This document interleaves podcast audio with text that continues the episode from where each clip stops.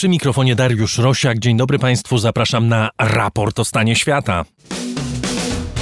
Parlament Europejski chce zakazać rejestracji nowych samochodów spalinowych po 2035 roku.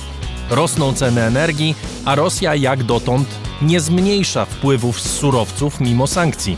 Jak uniknąć energetycznej katastrofy na Zachodzie w czasach wojny wywołanej przez Rosję i zmian klimatycznych, które wymagają ograniczenia emisji dwutlenku węgla? We Francji wybory parlamentarne. Czy prezydent Macron obroni po raz drugi władzę centroprawicy? W Stanach Zjednoczonych pierwsze przesłuchania publiczne komisji badającej sprawę ataku na Kapitol 6 stycznia 2021 roku, a Sąd Najwyższy szykuje orzeczenia w sprawie aborcji i posiadania broni w miejscach publicznych. Facebook identyfikuje mowę nienawiści i usuwa ją, a treści skrajne to obecnie 300% treści w serwisie, mówi raportowi Nick Clegg, prezydent Meta do spraw globalnych. W programie rozmowa z drugą po Marku Zuckerbergu osobą w firmie. Opowiemy również o tym, jak komercyjne odławianie ryb niszczy oceany na całym świecie i o języku stosowanym przez polityków w celach propagandowych. To wszystko w raporcie o stanie świata 11 czerwca 2022 roku. Raport to program finansowany przez słuchaczy. Dziękuję Państwu bardzo za wszystkie materialne i niematerialne wyrazy wsparcia dla nas. Te programy powstają dzięki Państwa ofiarności i za to jestem bardzo wdzięczny. Jeśli ktoś chciałby dołączyć do grona patronów, zapraszam na mój profil w serwisie patronite.pl. Za jego pośrednictwem najłatwiej nas wesprzeć. Adrian Bąk jest wydawcą programu, Chris Wawrzak realizuje dźwięk. Jesteśmy w studio Efektura w Warszawie.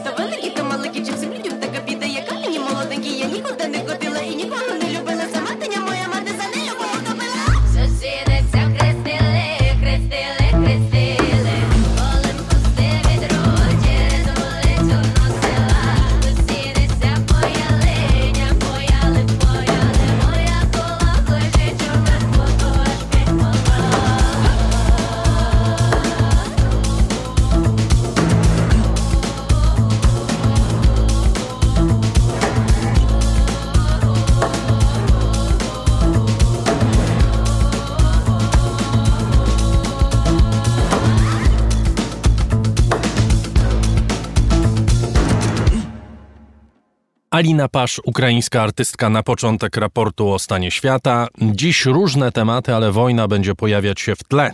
Parlament Europejski zagłosował za ograniczeniem dopuszczalnej emisji CO2 przez nowe samochody o 100% od 2035 roku. W praktyce oznacza to całkowite wstrzymanie sprzedaży samochodów z napędem spalinowym na terenie Unii po 2035. Stare diesle i samochody o napędzie benzynowym będą mogły jeździć, ale nowe już nie. To jest ostatni epizod wywołującej u niektórych coraz większe przerażenie opowieści o bliskich i dalszych perspektywach zaopatrzenia świata zachodniego w energię w obliczu dwóch presji. Pierwsza to trwająca od dawna operacja odchodzenia od paliw kopalnych w celu ograniczenia emisji dwutlenku węgla, a druga to wojna w Ukrainie. W jej wyniku rosną ceny gazu i ropy, a sankcje jak dotąd nie powodują spadku zysków Rosji z eksportu tych surowców.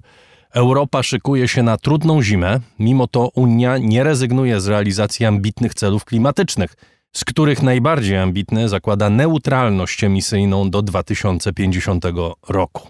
W studio Jakub Wiech z portalu Energetyka24. Witam. Dzień dobry. Może najpierw decyzja Parlamentu Europejskiego. Ja powiedziałem w skrócie, co ona konkretnie oznacza, ale czy rzeczywiście będziemy mieli do czynienia z sytuacją, w której w 2035 roku po prostu nie będzie nowych samochodów spalinowych, czy jakichkolwiek samochodów spalinowych na drogach? Teraz już wiemy, że e, z tych katalogów wyłączeń, e, jeżeli chodzi o możliwości produkcji, e, dopuszczone zostaną samochody ekskluzywne, czyli na przykład te najdroższe modele Ferrari, Bentley i tak dalej. To jest przyjęte tak zwaną poprawką Ferrari przez Parlament Europejski, która oparła się na tym, że owszem, samochody sportowe, te bardzo drogie, są emisyjne, ale sprzedaje się ich bardzo mało, więc one dalej będą mogły być produkowane i sprzedawane w Unii Europejskiej, co wywołuje pewne zdziwienie czy, czy konsternację, ale no, e, tak zostało to e, zarysowane przez Parlament Europejski, więc teoretycznie rzecz biorąc, e, będziemy mogli jeździć samochodami, tylko trzeba będzie się szarpnąć na Ferrari. Natomiast wszystkie pozostałe samochody spalinowe będą jednak zakazane, jeśli chodzi o sprzedaż i rejestrację. Skoro pan od tego zaczął, to może warto, żebyśmy pociągnęli ten temat, bo to jest ciągle propozycja, żebyśmy mieli jasność. To jest propozycja zgłoszona przez Komisję Europejską, którą Parlament Europejski przyjął. Natomiast teraz zaczyna się to, o czym pan przed chwilą powiedział. To znaczy, teraz zaczyna się lobbowanie, zaczyna się sytuacja, w której niektóre kraje będą chciały coś uzyskać dla siebie. Pojawiają się jakieś tam podobno klauzule wyłączające na jakiś czas. Na przykład kraje Europy Środkowej ponieważ nam jest ciężej, będą miały dłuższą możliwość adaptacji, co być może oznacza, że będziemy znowu składowiskiem starych samochodów y, w Europie. To jest proces, prawda? Oczywiście to jest proces i to jest e, proces e, moim zdaniem, który z perspektywy Komisji Europejskiej jest prowadzony na zasadzie takiej taktyki negocjacyjnej drzwiami w twarz. To znaczy Komisja zaproponowała bardzo wyśrubowane standardy i cele w ramach pakietu Fit for 55, bo ten zakaz jest e, elementem tego pakietu. No i teraz rozpoczyna się gra negocjacyjna z państwami członkowskimi, której efektem będzie już przyjęcie finalnych regulacji wchodzących w życie jako prawodawstwo Unii Europejskiej. Natomiast jeszcze cały czas nie znamy ostatecznego kształtu e, tych e, negocjacji. E, czekamy teraz na rozmowy z państwami członkowskimi i dopiero po nich, po przyjęciu już konkretnych rozwiązań, będzie można powiedzieć, czy naprawdę Europa faktycznie zakaże tych w 2035 roku sprzedaży nowych samochodów spalinowych, czy może będzie tutaj jakieś przesunięcie, czy poszczególne wyłączenia. Wiemy na pewno, że przy ogłoszeniu pakietu Fit for 55, e, przy zaprezentowaniu tych e, e, propozycji przez Komisję Europejską, te kraje, które mają u siebie najbardziej rozbudowany przemysł motoryzacyjny, Francja, Niemcy, Włochy, no stamtąd słyszano głosy, że to nie jest możliwe, że to jest nie do przyjęcia. Nawet pomimo bardzo rozbudowanej już teraz produkcji samochodów elektrycznych i przestawianiu się kolejnych marek właśnie na produkcji elektryków, no że to zostało uznane za nierealne.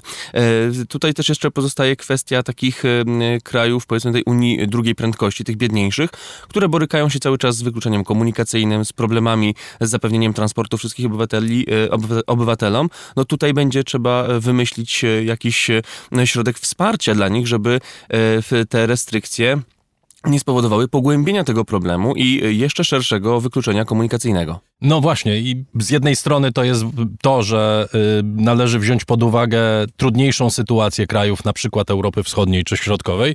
Z drugiej, no chyba trzeba by było uniknąć w sytuacji, w której kontynuowany jest ten trend, który w Polsce trwa od 89 roku albo i wcześniej, że po prostu stare samochody tutaj zjeżdżają i, i jeżdżą dopóki Bozia dała, prawda?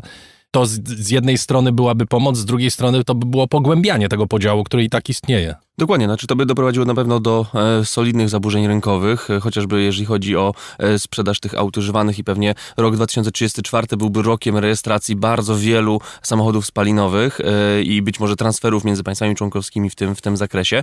Natomiast e, tutaj skupiamy się na e, tym rynku motoryzacyjnym, na przewozach indywidualnych, drogowych, mówiąc o, o tym zakazie. Tymczasem to jest tylko element pewnego procesu, który musi zostać uruchomiony, żeby to było możliwe, wprowadzenie takich restrykcji, bowiem e, w dyskusje, które widzę, które obserwuję po e, przyjęciu przez Parlament Europejski tej, tej regulacji skupiają się na tym, że no teraz samochody spalinowe zastąpimy samochodami elektrycznymi i że to jest niemożliwe, to jest nieopłacalne e, i że na pewno się to nie uda. Tylko, że największym zasobem transportu elektrycznego, bo on jest traktowany jako mm, naturalna substytucja dla samochodów spalinowych w Polsce, to jest kolej. E, I e, to jest transport publiczny, to jest, to jest element, który jest jakoś pomijany w tych wszystkich dyskusjach. Tymczasem, żeby spełnić cele Unii Europejskiej w zakresie dekarbonizacji transportu, segment e, przewozów publicznych musi być gwałtownie rozbudowywany e, i e, musimy zrobić coś, co w zasadzie w Polsce przez lata szwankowało, czyli doprowadzić na przykład połączenia kolejowe do mniejszych miejscowości, sprawić, że ludzie wykluczeni komunikacyjnie nie będą musieli polegać tylko na swoich samochodach spalinowych, tylko będą mogli wsiąść w pociąg i dojechać sprawnie do miejsca, gdzie się uczą czy, czy pracują. To jest wyzwanie cywilizacyjne. No tak, ale pan proponuje zmianę tematu. To znaczy, żebyśmy my zamiast y, zastanawiać się, skąd wziąć te samochody, albo na przykład skąd wziąć prąd do tych samochodów, prawda? No bo y, prąd, który się ładuje Y, do baterii, to on się nie bierze z nieba, tylko z kontaktu, w którym płynie prąd, bardzo często wytwarzany w elektrowniach węglowych, prawda? Więc trudno mówić o bezemisyjnej gospodarce również w przypadku ele samochodów elektrycznych. My sobie na te pytania odpowiadamy. Pan proponuje, żebyśmy się zastanowili, jak rozbudować kolej. To jest bardzo dobry pomysł.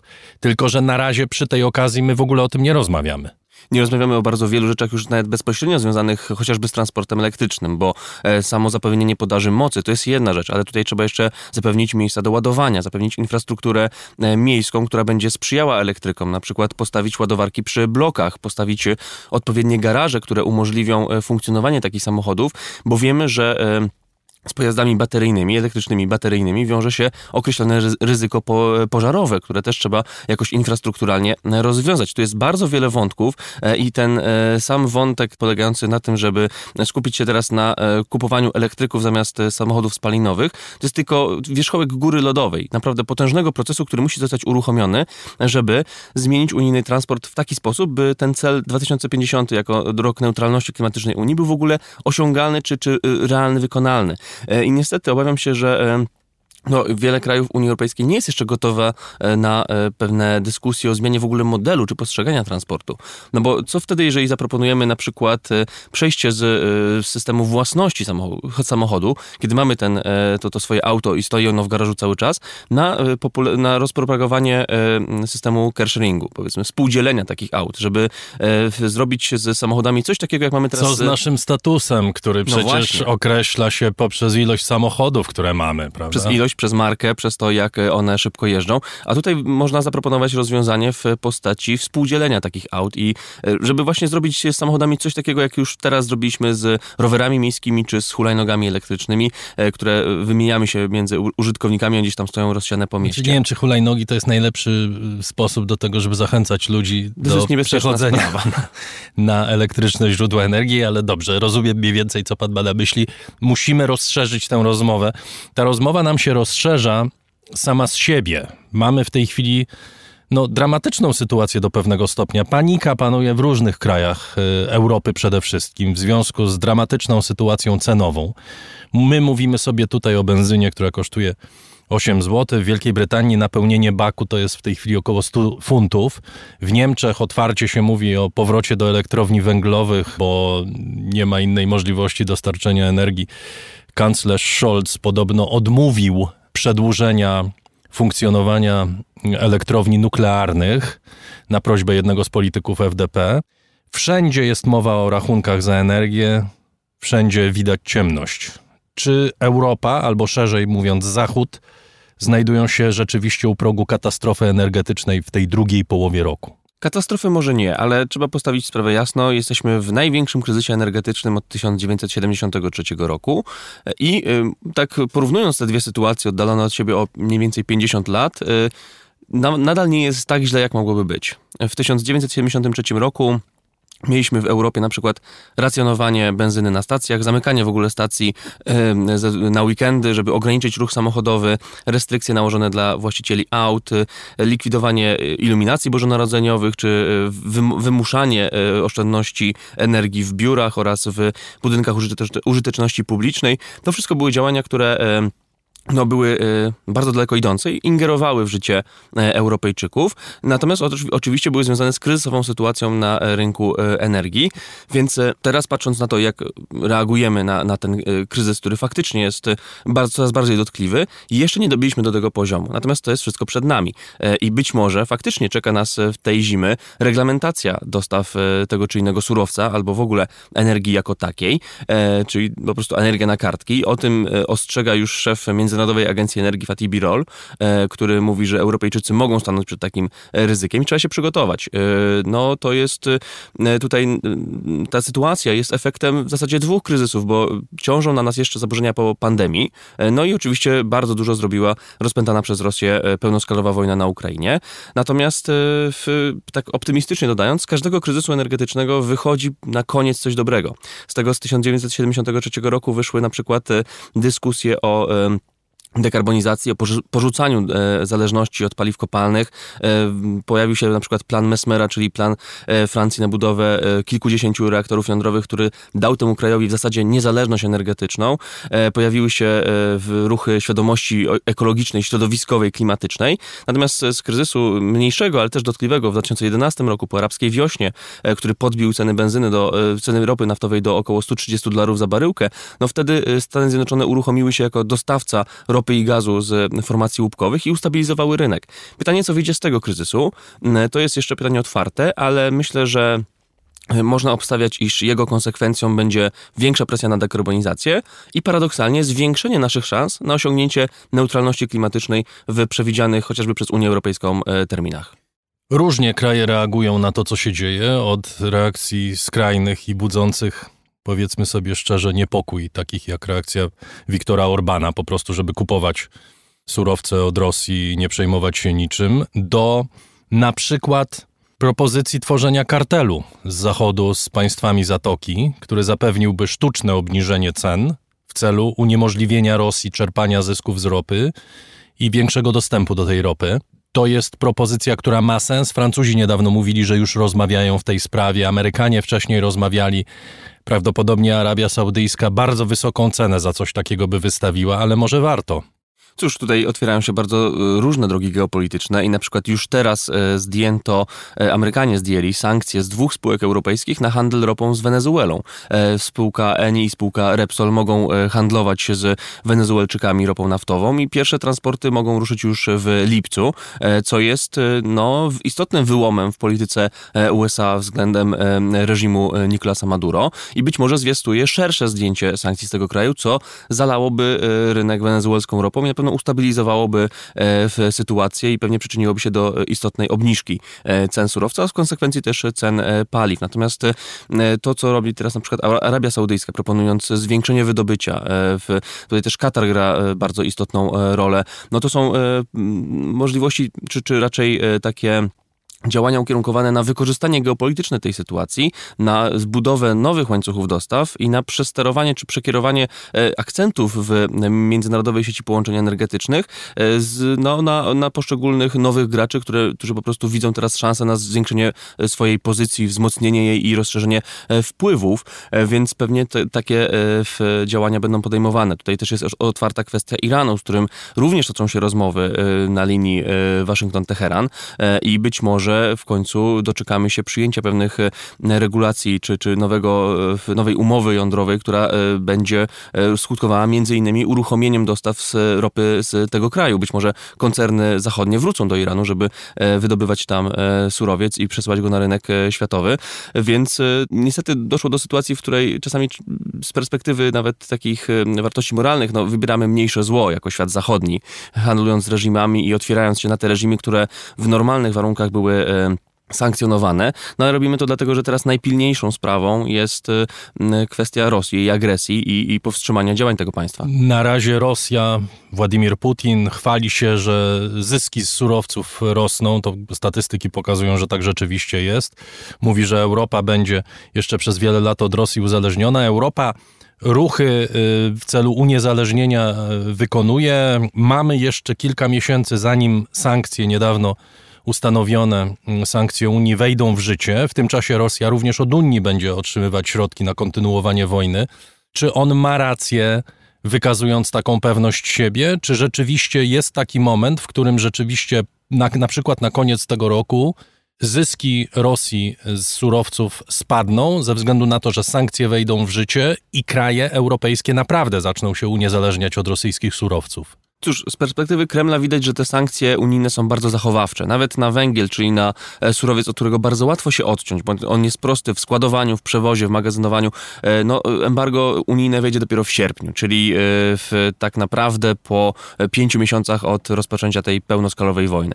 To jest za wolno. To, to jest stanowczo zbyt wolno, a już o ropie nie wspominając, bo przyjęcie embarga, które ma być wdrożone dopiero na początku 2023 roku, to jest tak naprawdę otworzenie otworzenie się na szeroką mnogość sytuacji, bo nie wiemy, co się wtedy wydarzy. E, widać, jak duża jest dynamika sytuacji na Ukrainie. E, wojna tam trwa nieco ponad 100 dni, a wydarzyło się już bardzo, bardzo dużo. No, autorom tego pomysłu chodziło o to, żeby kraje miały czas na to, żeby się przygotować. Tak? To prawda, tylko że z perspektywy Unii Europejskiej z kolei uderzenie w Rosję, uderzenie e, w surowcowe na tym rynku energetycznym, to jest najmocniejsze, co możemy zrobić. To jest cios tam, gdzie Rosję boli najbardziej. Unia jest największym klientem energetycznym Rosji. Rosji. Do nas trafia 1 trzecia e, eksportu węgla, połowa eksportu ropy i 3 e, czwarte eksportu gazu z Rosji. E, I wstrzymanie tego odbioru tych, tych surowców rzuciłoby Rosję na kolana. Tylko, że tak się oczywiście raczej nie stanie, bo wiemy po sytuacji e, chociażby z, z negocjacjami w sprawie embarga na ropę, że wdrożenie takich efektywnych i e, szybko wchodzących w życie sankcji jest po prostu niemożliwe politycznie. Widzieliśmy, jak zachował się Viktor Orban, widzieliśmy, jak od razu e, w, do, do wyłączeń na embargo na ropę chciały się podłączyć inne kraje, e, na przykład e, w Bułgaria czy, czy, czy Czechy, e, to jest niemożliwe. Natomiast niestety nawet tam, gdzie udało się osiągnąć pewne porozumienie wewnątrz Unii, no to jednak zrobiono to zbyt wolno i w zbyt małym wymiarze i no, nie trzeba się dziwić optymizmowi Władimira Putina, który patrzy na to i widzi, że nawet pomimo już otwartej agresji, bo teraz Rosjanie nie bawią się w maskowanie swoich działań wojennych jakimiś zielonymi ludzikami, tylko wchodzą jako Rosjanie i y, atakują y, kraj sąsiedni Unii Europejskiej, który jest pokojowo nastawiony, no to skoro jeżeli w takiej sytuacji Unia Europejska nie może się zdobyć na bardzo drastyczne e, działania, no to to jest oznaka słabości, to jest oznaka pewnej wewnętrznej y, niespójności i wewnętrznych problemów politycznych. Chciałem się spytać, jak to wszystko, o czym rozmawiamy, przepisuje się na takie praktyczne zachowania ludzi bo jak jedziemy przez Europę, czy przez Polskę, czy przez inne kraje, to widać, że na przykład fotowoltaika przyjmuje się. To znaczy ludzie przyjęli do wiadomości, że te panele fotowoltaiczne są częścią krajobrazu. Mamy fermy wiatrowe. Nie wiem, czy to są najpiękniejsze widoki, które zmieniają krajobrazy na lepsze, ale po prostu się do tego przyzwyczajamy. Czy uda się zachęcić ludzi do działań na poziomie indywidualnym. Nie wiem, czy jest na przykład możliwość, żebyśmy składowali energię u siebie w domu, jeżeli mamy dom. Jest taka możliwość i już teraz nawet w ramach programu Mój Prąd, realizowanego e, przez e, polskie władze, e, oferowane są dofinansowania do zakupu przydomowych akumulatorów, które umożliwiają magazynowanie pewnych niewielkich, ale z perspektywy gospodarstwa domowego jednak zauważalnych ilości energii. Natomiast to jest moim zdaniem pytanie o chyba trochę szerszy proces, pewien proces transformacji energetycznej, który Unia Europejska zaczęła już jakiś czas temu i prowadzi go bardzo ambitnie. Natomiast Natomiast y, mm, ta, ta kwestia, która jest moim zdaniem najważniejsza, polega na pewnej odporności konsumenckiej czy wy, takiej y, wytrzymałości Europejczyków na pewne zmiany ich modelu życia i na pewne koszty, które na pewno zostaną na nich y, przerzucone przy właśnie realizacji tych zamierzeń. Tutaj pewnie celów. możemy wrócić do tego pierwszego tematu, to znaczy, czy my się zdecydujemy na to, żeby na przykład nie mieć samochodu własnego, tylko żeby pożyczać go, tak jak teraz pożyczamy rower, jeśli chcemy się przemieścić szybko i bezkolizyjnie, że tak powiem, bo teraz czasami łatwiej w miastach jeździć rowerem niż samochodem, prawda? No właśnie. E, tylko, że niestety obawiam się, iż wnioski, które płyną z pandemii i z wojny prowadzonej przez Rosję, są raczej pesymistyczne dla tego procesu e, osiągania neutralności klimatycznej czy transformacji energetycznej. Z tego względu, że nawet wobec tak bezpośrednich i bardzo konkretnych zagrożeń, jak zaraza, jak COVID-19, czy jak prowadzona przez Rosję pełnoskalowa wojna, no, Europejczycy wykazują pewną ograniczoną chęć do zmiany swojego trybu życia, do wzięcia na siebie ciężarów ekonomicznych, ekonomicznych związanych z tymi e, zagrożeniami. E, więc co dopiero w sytuacji, kiedy trzeba będzie e, stanąć oko w oko z zagrożeniem o wiele bardziej abstrakcyjnym. Bo zmiany klimatu, pomimo tego, że już widzimy ich namacalne skutki, także w Polsce, gdzie zacierają się pory roku, czy gdzie zmagamy się z coraz głębszymi suszami albo z gwałtownymi zjawiskami pogodowymi, no to jednak coś jest cały czas abstrakcyjnego. To jest coś, co no, jest postrzegane jako e, pewien proces, być może zachodzący, być może nie, e, w każdym razie bardzo niedookreślony. E, natomiast no, przeciwdziałanie jemu będzie już wymagało bardzo konkretnych działań, bardzo konkretnych wysiłków związanych również z pewnymi ciężarami finansowymi. No i obawiam się, że to może być problem, bo grożą nam jakieś strajki podobne do tych, które widzieliśmy we Francji przy protestach żółtych kamizelek, kiedy zaczniemy poważnie ingerować w życie Europejczyków właśnie w związku z polityką z polityką klimatyczną e, i to może się nie udać po prostu. E, I widzę też e, pewną zmianę akcentów w środowiskach, które kwestionują działanie, zmianę klimatu czy przeciwdziałanie temu procesowi. Tu już akcent jest przekładany z powiedzmy fizycznych wątków tego procesu, czyli już nie mówi się, że to nie człowiek powoduje zmianę klimatu, albo że w ogóle ona nie zachodzi, tylko ten akcent jest teraz kładziony na wątkach ekonomicznych. Mówi się, że to jest zbyt drogie, żeby walczyć z globalnym ociepleniem. Mówi się, że to jest nieopłacalne, że lepiej się zaadaptować albo... Że szaleństwo szaleństwo, to znaczy tak jeżdżenie elektrycznymi samochodami. Nie rozumiem, dlaczego elektrycznymi miałoby być szaleństwem, a spalinowymi nie, ale takie słowa też się pojawiają. No właśnie, tylko że to jest też pewien wymiar e, jednak moim zdaniem ignorancji ekonomicznej, bo e, przy jeździe z tymi samochodami spalinowymi, wracając do początku naszej rozmowy, no nie dostrzegamy wszystkich kosztów tego procesu. No tak, elektry- ale nie, to znaczy tutaj logika jakaś jest, no bo elektryczne ciągle są droższe, prawda? Być może kiedyś będą tańsze, ale na razie są droższe, więc jest powód, żeby się ich bać. Tak, tylko że gdybyśmy e, dostrzegli te koszty, powiedzmy, składowania odpadów spalania z silników e, spalinowych w atmosferze i włączyli je do użytkowania samochodów spalinowych, to one też pewnie by zrównały się cenowo z elektrykami albo byłyby znacznie mniej opłacalne. Natomiast wracając do e, pytania o nastroje Europejczyków, z jednej strony mamy bardzo dużą dynamikę tych zmian i jeżeli zastanawiamy się właśnie, co może się stać przez te następne 13 lat, które dzielą nas od, od roku, w którym wprowadzony będzie zakaz na samochody spalinowe, na nowe samochody spalinowe, no to można sięgnąć do przeszłości, zastanowić się, jak było 13 lat temu, chociażby w Polsce. No wtedy jeszcze nikomu się nie śniło, że będziemy mieć przyjętą umowę z górnikami w sprawie zamknięcia kopalni, pra, praktycznie wszystkich kopalni węgla w Polsce, że my będziemy mieć datę zamknięcia elektrowni Bełchatów, że będziemy mieć e, właśnie panele fotowoltaiczne w bardzo wielu e, domach w Polsce. Tymczasem to się stało. To jest e, wszystko już wykonane, to jest za nami i Następne 13 lat może przynieść jeszcze więcej w tym zakresie, no ale też z drugiej strony e, w pewnym momencie może e, te, te, ciężary staną się zbyt dotkliwe e, dla Europejczyków i polityka klimatyczna będzie wyhamowywana albo nawet zupełnie wykolejona. Bardzo dziękuję. Jakub Wiech z portalu Energetyka24 był gościem raportu o stanie świata. Dziękuję.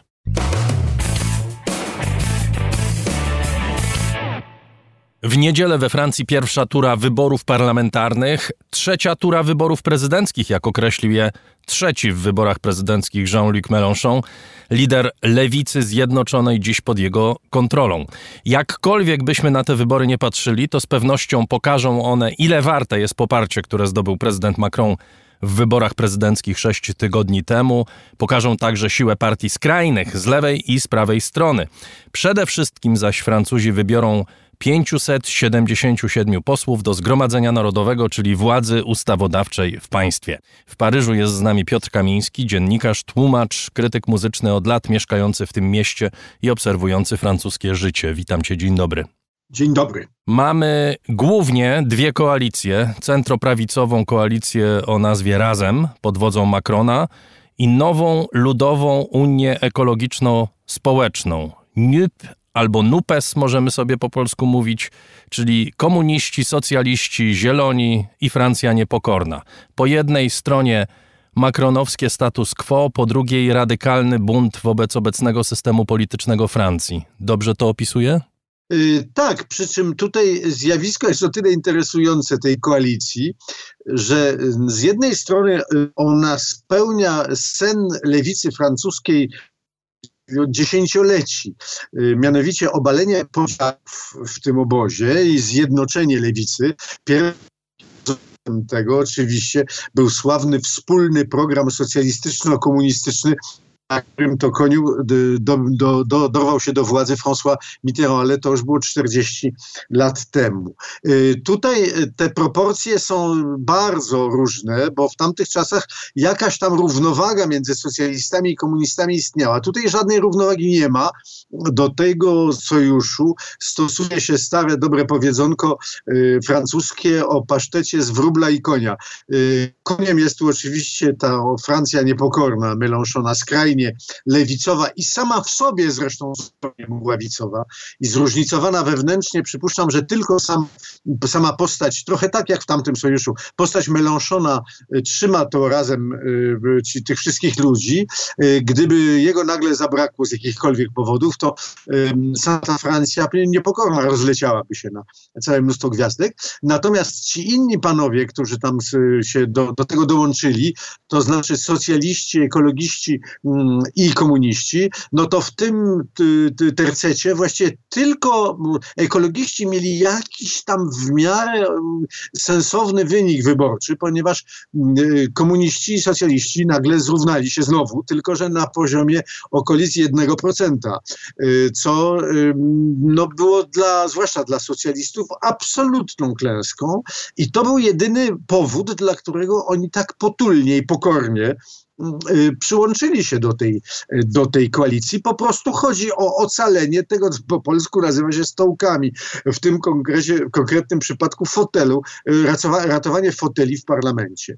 Zresztą ta kwestia, żeby tylko dodać tutaj kwestię socjalistyczną jedną interesującą, która spadła w, w ciągu ostatnich paru dni, mianowicie, że okazało się, że przystąpienie tak walne socjalistów do tej koalicji jest w gruncie rzeczy nielegalne i sąd to uznał, że było nielegalne, ponieważ ponieważ to można było przeprowadzić tylko przy pomocy kongresu partii y, z udziałem y, wybranych przez działaczy y, przedstawicieli, a tymczasem załatwiła to osobiście, że tak powiem, tylko ta, ta cała struktura kierownicza i w tej chwili jest bardzo duża awantura wokół tego. Zobaczymy, czym się to skończy. No, jak wiadomo, procedury sądowe są zawsze bardzo długie, w związku z tym, ale wyrok zapadł i socjaliści, jeżeli nie, nie podejmą tutaj jakichś bardzo wiążących decyzji zgodnych z tym wyrokiem, no to będą płacić kary umowne w tej dziedzinie. Jeszcze zostaniemy przez moment przy socjalistach, bo y, cokolwiek by nie mówić o francuskiej partii socjalistycznej, to jest partia, która y, no, tworzyła ten kraj od II wojny światowej, prawda? To jest y, partia, która rządziła tym krajem pięć lat temu. W tej chwili chowa się pod skrzydła skrajnego, właściwie trudno nazwać jego politykę lewicową, no bo nie wiadomo, czy on rzeczywiście reprezentuje interesy tej najuboższej i najbardziej pokrzywdzonej y, przez system y, klasy politycznej we Francji. W każdym razie to pokazuje, jak głęboki kryzys tę partię ogarnął. Po raz kolejny to widzimy, prawda, od wyborów prezydenckich. Y, tak, ale to nie, nie, nie zaczęło się od tych wyborów prezydenckich, bo zaczęło się od poprzednich. Y, partia zorganizowała sobie takie wybory, prawybory przed wyborami prezydenckimi i w sposób no, dość oderwała się od swoich korzeni. Wybra ci wszyscy, którzy głosowali w, tym, w tych wyborach w 17 roku, y, wybrali y, ze swoim kandydatem pana Benoit Hamon, y, który był przedstawicielem już tego typu lewicy, takiej skrajnie lewicowo-ekologistycznej, mm, zresztą pod wieloma względami no, dość obskuranckiej, powiedzmy to taki, takiej radykalnej w może nie najinteligentniejszy sposób. I ten człowiek no, po wyborach y, z y, roku 12, kiedy François Hollande wygrał y, prezydenturę, no on przyszedł, już nie pamiętam na którym to miejscu był, ale w okolicach 6%. To znaczy pierwsza śmierć tej partii nastąpiła już wtedy. Partia runęła zresztą we wszystkich następnych wyborach, musiała sprzedać swoją mm, piękną siedzibę w środku, w środku Paryża. No i na, postanowiła, że już gorzej być nie może, ale okazało się, że może i wybrała sobie kandydatkę do wyborów prezydenckich, która e, mało, że nie przekroczyła 5%, dzięki którym mogłaby przynajmniej żądać od państwa sfinansowania swojej kampanii, ale spadła poniżej 2%, tam gdzieś 1,5% e, pani Hidalgo, skądinąd burmistrz Paryża zebrała w tych wyborach. Podobno była zresztą wstrząśnięta i przez parę dni nie mogła dojść do siebie. Skutek jest taki, że Olivier Faure, to znaczy przewodniczący tej partii, y, no po prostu podkulił ogon pod siebie i poszedł tam, gdzie miał jakiekolwiek szanse y, zyskać choć trochę tych y, foteli w, w, w, parlamencie, co wiąże się oczywiście z ogromnymi problemami finansowymi, jakie ta partia przechodzi. Muszę powiedzieć, że zresztą sposób, w jaki oni oderwali się od swojego no, takiego filaru ideologicznego, który przede wszystkim e, był e, związany z tym, co tutaj się nazywa świeckością, e, no, to wywołało bardzo duży rozłam w partii i zresztą tę skargę przeciwko decyzji przystąpienia do, do tej koalicji złożyli socjaliści, ci, którzy się z tym absolutnie nie zgadzają, a Olivier Faure uszy po sobie i bardzo w tej chwili gwałtownie w, przemawia w tym samym tonie, co, co Jean-Luc Mélenchon. Zostawmy socjalistów. Opowiedz o kampanii, bo y, jak podglądam ją y, od czasu wyborów prezydenckich, ona przybiera bardzo gwałtowne formy, prawda? To znaczy, my w Polsce jesteśmy przyzwyczajeni do ostrej polityki, do obrzucania się y, wyzwiskami, do właściwie szukania najgorszych motywacji u przeciwnika politycznego to we Francji w zasadzie chyba przeżywacie teraz y, codziennie. Y, to jest bardzo ciekawe, co powiedziałeś. Najwyraźniej w Polsce widać lepiej albo co innego niż tutaj. Tutaj, kiedy się ogląda media, w końcu to jest to, do czego ja mam tutaj y, dostęp, to ta kampania jest bardzo nieobecna. Właściwie bardzo niewiele się o niej mówi. Jest całe mnóstwo różnych tematów, które się tutaj porusza, a to y, skandal z meczem y, hiszpańsko-brytyjskim, gdzie policja nie dawała sobie rady, rady z chuliganami z różnych powodów, a to różne, tak to, co się nazywa, co dobrze pamiętam, z, z prasy francuskiej Fediver, to znaczy taka kronika kryminalna na dobrą sprawę. No tak, tylko że Anglicy uważają, że to nie byli chuliganie, tylko policja po prostu ich e, źle potraktowała. Tak, no więc jest awantura francusko-angielska na ten temat. Tutaj też się mówi na ten temat całe mnóstwo różnych rzeczy, yy, ale to tylko, wspomniałem o tym tylko dlatego, że to właściwie przesłania tego typu wydarzenia, yy, przesłaniają inne, te kampanię wyborczą w jej treści. Tam od czasu do czasu gdzieś tam w radio czy w telewizji organizuje się jakąś debatę między kandydatami, gdzie oni się trochę kłócą, ale tak naprawdę to nie stanowi zupełnie, ona jest jakaś taka wyciszona zupełnie. No oczywiście jest jeden temat główny, który mm, pojawia się w, w dużym wymiarze w mediach, to jest wojna, ale ta wojna też jakby nie gra w tej... A policja, Piotrze, ta kampania przeciw policji po zastrzeleniu przez policjantów pasażerki, prawda, w samochodzie nie zatrzymał się na wezwanie policjantów. Otóż to. pędził, powiem o tym dlatego, że nie wszyscy znają sprawę. Pędził y, w policjantów z prędkością 130 km na godzinę. Policjanci otworzyli ogień, zranili kierowcę, zabili pasażerkę. dla Mélenchona to jest dowód na to, że policja zabija. La police tue, takiego tweeta Takie hasło. wysłał. Ale to tak. nie jest nowe hasło. Oni zbierają całą tę tendencję. W końcu najlepszym przykładem tego była afera śmierci, o którą oskarżono, spowodowanie jej oskarżono policję takiego podmiejskiego, nie wiem jak to nazwać, że Zimieszka, nazwijmy drobnego handlarza narkotyków, czy człowieka dość podejrzanego, ale który ma bardzo dużą rodzinę i niezwykle rozmowną siostrę.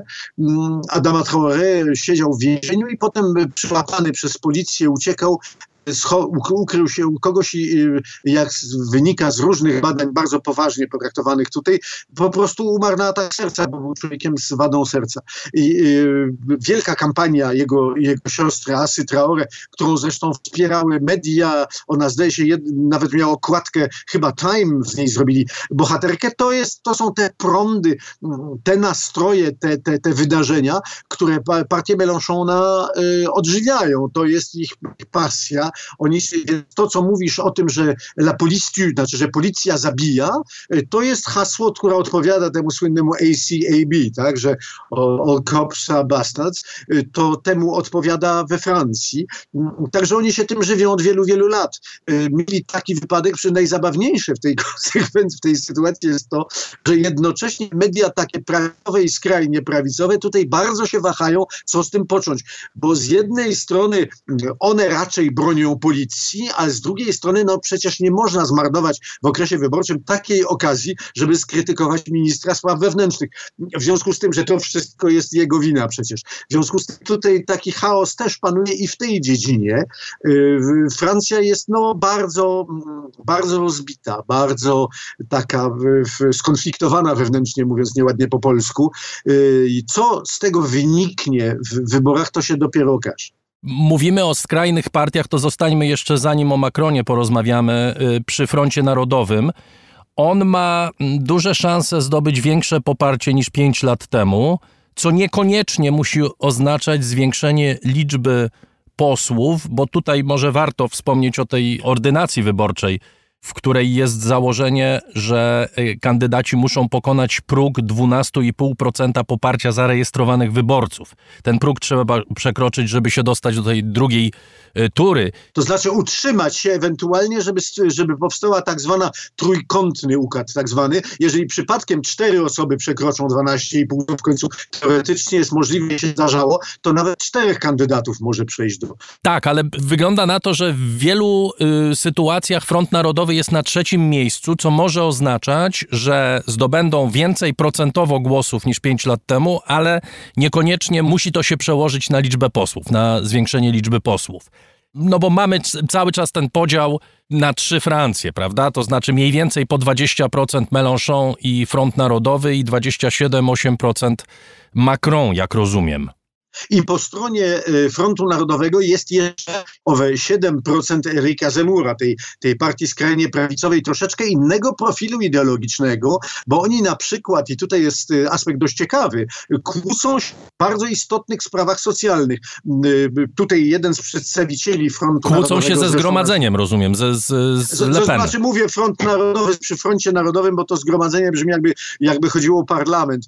Będę się trzymał tej starej nazwy. Chodzi chodzi o to, że e, o ile e, Zemur i jego partia e, Reconquête absolutnie stawia na przesunięcie wieku emerytalnego do 65 nawet wyżej, o tyle Front Narodowy prze, przeciwstawia się temu kategorycznie, bo to jest partia, mówiliśmy o tym wiele razy, którą no niestety przy użyciu słów, które coś znaczą, trzeba określić jakie, jako partię narodowo-socjalistyczną. Tam program gospodarczy jest bardzo socjalny, mm, a jednocześnie bardzo antyimigrancki i y, oni też żonglują tym w sposób dość takim, no nie wiem czy powiedzieć zręczny. Problem polega na tym, że e, one nie, te dwie partie nie są w stanie się ze sobą dogadać. E, tam są oczywiście anse mm, osobiste, ale gdyby e, Front Narodowy i Reconquête Rika Zemura dogadały się jeszcze chociaż bodaj między, między dwiema turami, to, te, to, to trzecie miejsce mogłoby się zamienić w drugie, ale tu spory merytoryczne sięgają tak głęboko, że gwarancji żadnej nie ma. No jednolitej niechęci, jak powiedziałem, które się datują jeszcze z wyborów, z wyborów prezydenckich. Eric Zemmour miał nadzieję wejść do drugiej tury, a potem miał nadzieję przynajmniej przeskoczyć Mélenchona, tymczasem wylądował na bardzo dalekim miejscu, więc tutaj próbuje się odkuć w tych wyborach parlamentarnych. Na czym polega problem Emmanuela Macrona? na całym mnóstwie różnych rzeczy. Nie wiem, czy już dotarła do Was informacja, że on w przyszłym tygodniu wybiera się jednak do Kijowa ja jednak to przypomnę, choć jesteśmy w innym kontekście, y, bardzo łatwo jest zapomnieć, że on do końca czerwca jest prezydentem Europy. To znaczy jego postawa musi wyrażać, a on wie o tym lepiej niż ktokolwiek, co się tam dzieje, y, pozycję wszystkich 27, 26 innych członków Unii Europejskiej, dlatego no, kluczy jak y, y, to już musi robić w takiej sytuacji. Natomiast jeśli o sprawę... Ja przepraszam, że ci przerwę Piotrze, ale to no. są y, to wszyscy, którzy kochamy Francję i lubimy prezydenta Macrona, jeśli są tacy wśród nas, to cały czas mamy nadzieję, że jemu o coś chodzi. To znaczy, że on po coś robi te telefony, bo właśnie, bo musi kluczyć, bo musi godzić interesy Niemców i Polaków i tak dalej. Naprawdę myślisz, że Macron budzi się i zastanawia się, jak pogodzić interesy Niemców i Polaków, Estończyków, Szwedów i Włochów? To jest naprawdę podstawą tego, dlaczego nie jeździł do tej pory do Kijowa i yy, nie wypowiadał się, bo to, co robi, to jest odrębna rzecz. Francja jest krajem, który wspomaga Ukrainę militarnie, Francja jest krajem, który co jakiś czas y, daje wyraz temu, że wie, kto tę wojnę wywołał i kto jest w niej ofiarą i tak dalej. Ale pewnych decyzji Macron nie podjął. I one chyba nie wynikają z tego, że on musi godzić interesy europejskie, tylko on patrzy na to, co, jak ta decyzja byłaby przyjęta przez jego elektorat. Oczywiście, że tak. To znaczy sytuacja Macrona jest tragiczna z tego punktu widzenia, że zbiegły się te dwie rzeczy. Jemu naprawdę ta wojna, już mówiąc no właściwie z takim smutkiem roz, rozbawionym, y, do niczego nie była potrzebna w okresie, kiedy ma przed sobą, mia, miał przed sobą y, i ma nadal y, dwie, cztery tury wyborcze w bardzo rozchwianym kraju. Także on na pewno kluczy na wszystkie sposoby robi co może, żeby się jakoś w tutaj w tym ustawić. To też ktoś analizował złośliwie zresztą wśród Francuzów niedawno, że Francja ma takie poczucie wyższości i że Francja jest wielkim strategiem i że kombinuje na różne sposoby. I dowody tego mieliśmy już dużo wcześniej, kiedy Francja też kombinowała szalenie wokół wojny z, z, z Irakiem wiele, wiele lat temu, kiedy były premier Villepin wygłosił takie szalenie piękne i krasomówcze przemówienie w w Narodach Zjednoczonych, które y, do dzisiaj cieszy się wielkim wzięciem wśród, z pewnymi wyjątkami wśród y, opinii francuskiej. I Macron również prawdopodobnie sądzi, mm, że prowadzi wielką politykę dalekoroczną przypuszczam, że jest zbyt Francuzem, żeby tak naprawdę do końca rozumiał, kto rządzi w Moskwie i kto podejmuje w tej sprawie decyzje.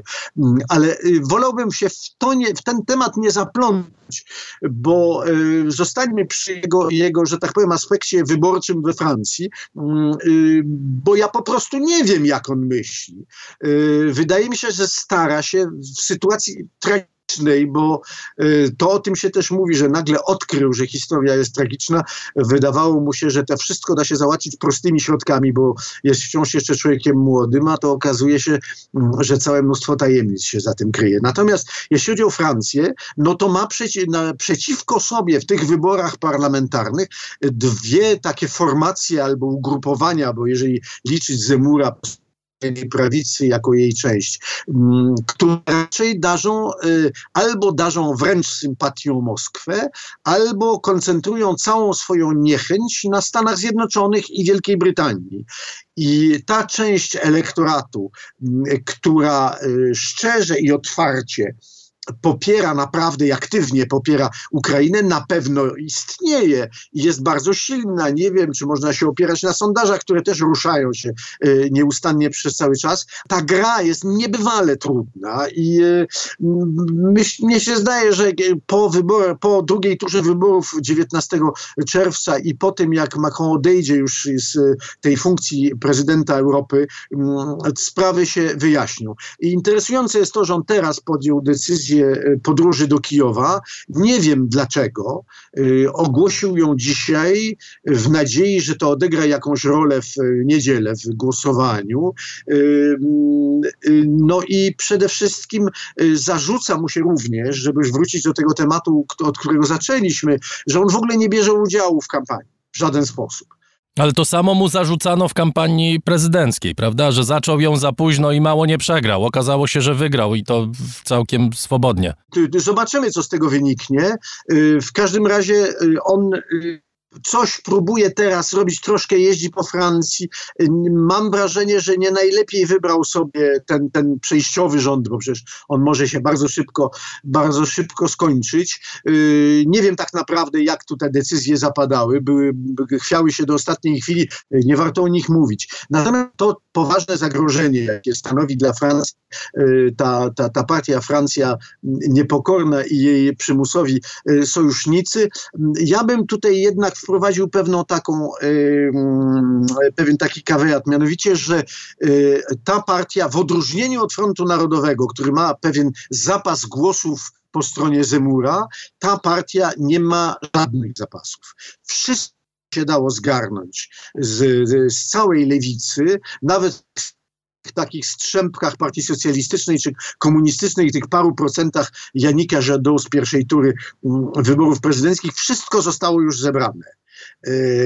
I ja sądzę, że w drugiej turze, jeżeli w którąś, na którąś stronę musi, może się przechylić szala, to albo po stronie Macrona, jak było przy, w drugiej turze wyborów prezydenckich, albo w jakiejś tam mierze po stronie y, skrajnej prawicy. Y, nie przypuszczam, żeby w, w, w Francuzi, zresztą y, z sondaży, które planują, ro, rozplanowują układ przyszłego parlamentu, coś takiego wynika, żeby który ogłosił, zaczął tę swoją kampanię najpiękniejszym hasłem, jakie można było wymyślić, wybierzcie mnie premierem, żeby mógł tym premierem zostać. Co więcej, przypominam, że on sam na wszelki wypadek, bo to należy być y, ostrożnym, w ogóle nie startuje w tych wyborach. Nie jest kandydatem w wyborach parlamentarnych. Jeżeli partia wygra czy przegra, to i tak nic nie zmieni, ponieważ on deputowanym nie zostanie. No chyba, że któryś z towarzyszy y, ustąpi mu miejsca już po wszystkim. Ale to chyba nie znaczy, że on straci y, wpływy we, we francuskiej polityce, prawda? Tego nikt nie jest w stanie przewidzieć. Jest to człowiek skomplikowany psychologicznie i może po prostu po, tym, po tej przegranej przeżyć dużą zapaść psychiczną i wtedy sobie odejdzie, ale zobaczymy. Tego to też jest wielka tajemnica ten człowiek. Y, natomiast jest tu pewien problem, problem formalny, o którym się w tej chwili bardzo dys, dyskutuje, mianowicie, czy jeżeli załóżmy, partia y, Francja niepokorna z sojusznikami zyskuje większość, bodaj względną y, w parlamencie, ale jednocześnie Jean-Luc Mélenchon nie jest deputowanym, czy on w ogóle może być mianowany mm, premierem o tym, że Macron wybrał sobie i premiera, i drugiego, e, wybrał sobie ludzi, którzy nie byli deputowanymi, ale to był jego swobodny wybór wśród ludzi, którzy wokół niego się zebrali. Jeżeli powtórzy się tutaj, co byłoby premierą w Piątej Republice, kohabitacja tak zwana od razu na zajutrz po wyborach prezydenckich, to przepis jest taki, że premierem mianowany może być wyłącznie deputowany owej większościowej partii. Także to wszystko razem w tej chwili szalenie, ale tutaj konstytucjonaliści, że tak powiem, mm, dyskutują na ten temat, czy może, czy nie może, czy wolno, czy nie wolno. Może być jeszcze bardzo wesoły kabaret wokół tego rozpętany. Co jest istotne, e, to, że partia ta przedstawia program, o ile już program Frontu Narodowego jest bardzo podejrzany z ekonomicznego punktu widzenia, o tyle ten program Zjednoczonej Lewicy jest po prostu szalony. Y, komentarze na ten temat są, są po prostu ludzie wznoszą oczy ku niebu, ponieważ y, i to, to mówi nie tylko Macron, mm, jeszcze są republikanie, którzy gdzieś się pętają na marginesie, którzy mają bardzo solidne korzenie w terenie, choć w parlamentarnych wyborach, w sondaże nie dają im większych szans. Y, wszyscy to twierdzą, że ten, że ten i zresztą nawet tacy analfabeci ekonomiczni jak ja widzą na głębokim, że ten program może doprowadzić Francję do ruiny w ciągu kilku miesięcy. Bardzo dziękuję. Piotr Kamiński, dziennikarz, tłumacz, krytyk muzyczny, mieszkający w Paryżu, obserwujący francuskie życie, był gościem raportu o stanie świata. Dziękuję Ci bardzo. Dziękuję bardzo. Do usłyszenia.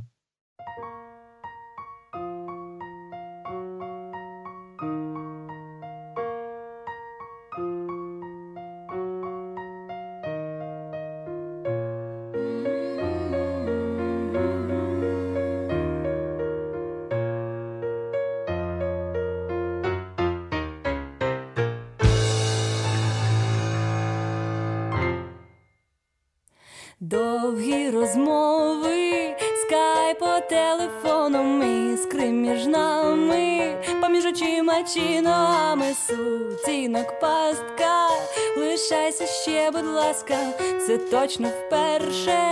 Я закохалась врешті, зелені очі, все буде, як захочеш, не зупиняйся, броши та посміхайся, де ти як летю тікаю, ніж за нічю, тема закрита,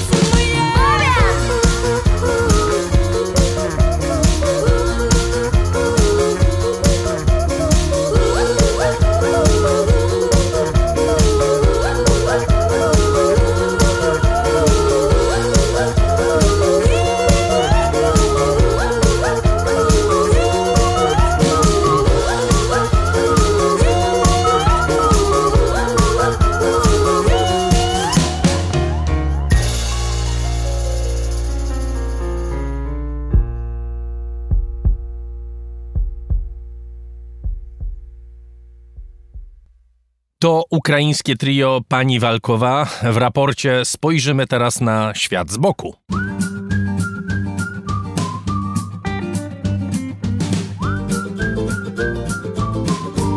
Grzegorz Dobiecki, na co dzień prowadzący program Dzień na świecie w telewizji Polsat News, przygląda się dla nas różnym rzeczom, potem je zapisuje i mówi o nich w swoich felietonach. Dziś lingwistyka stosowana przez polityków.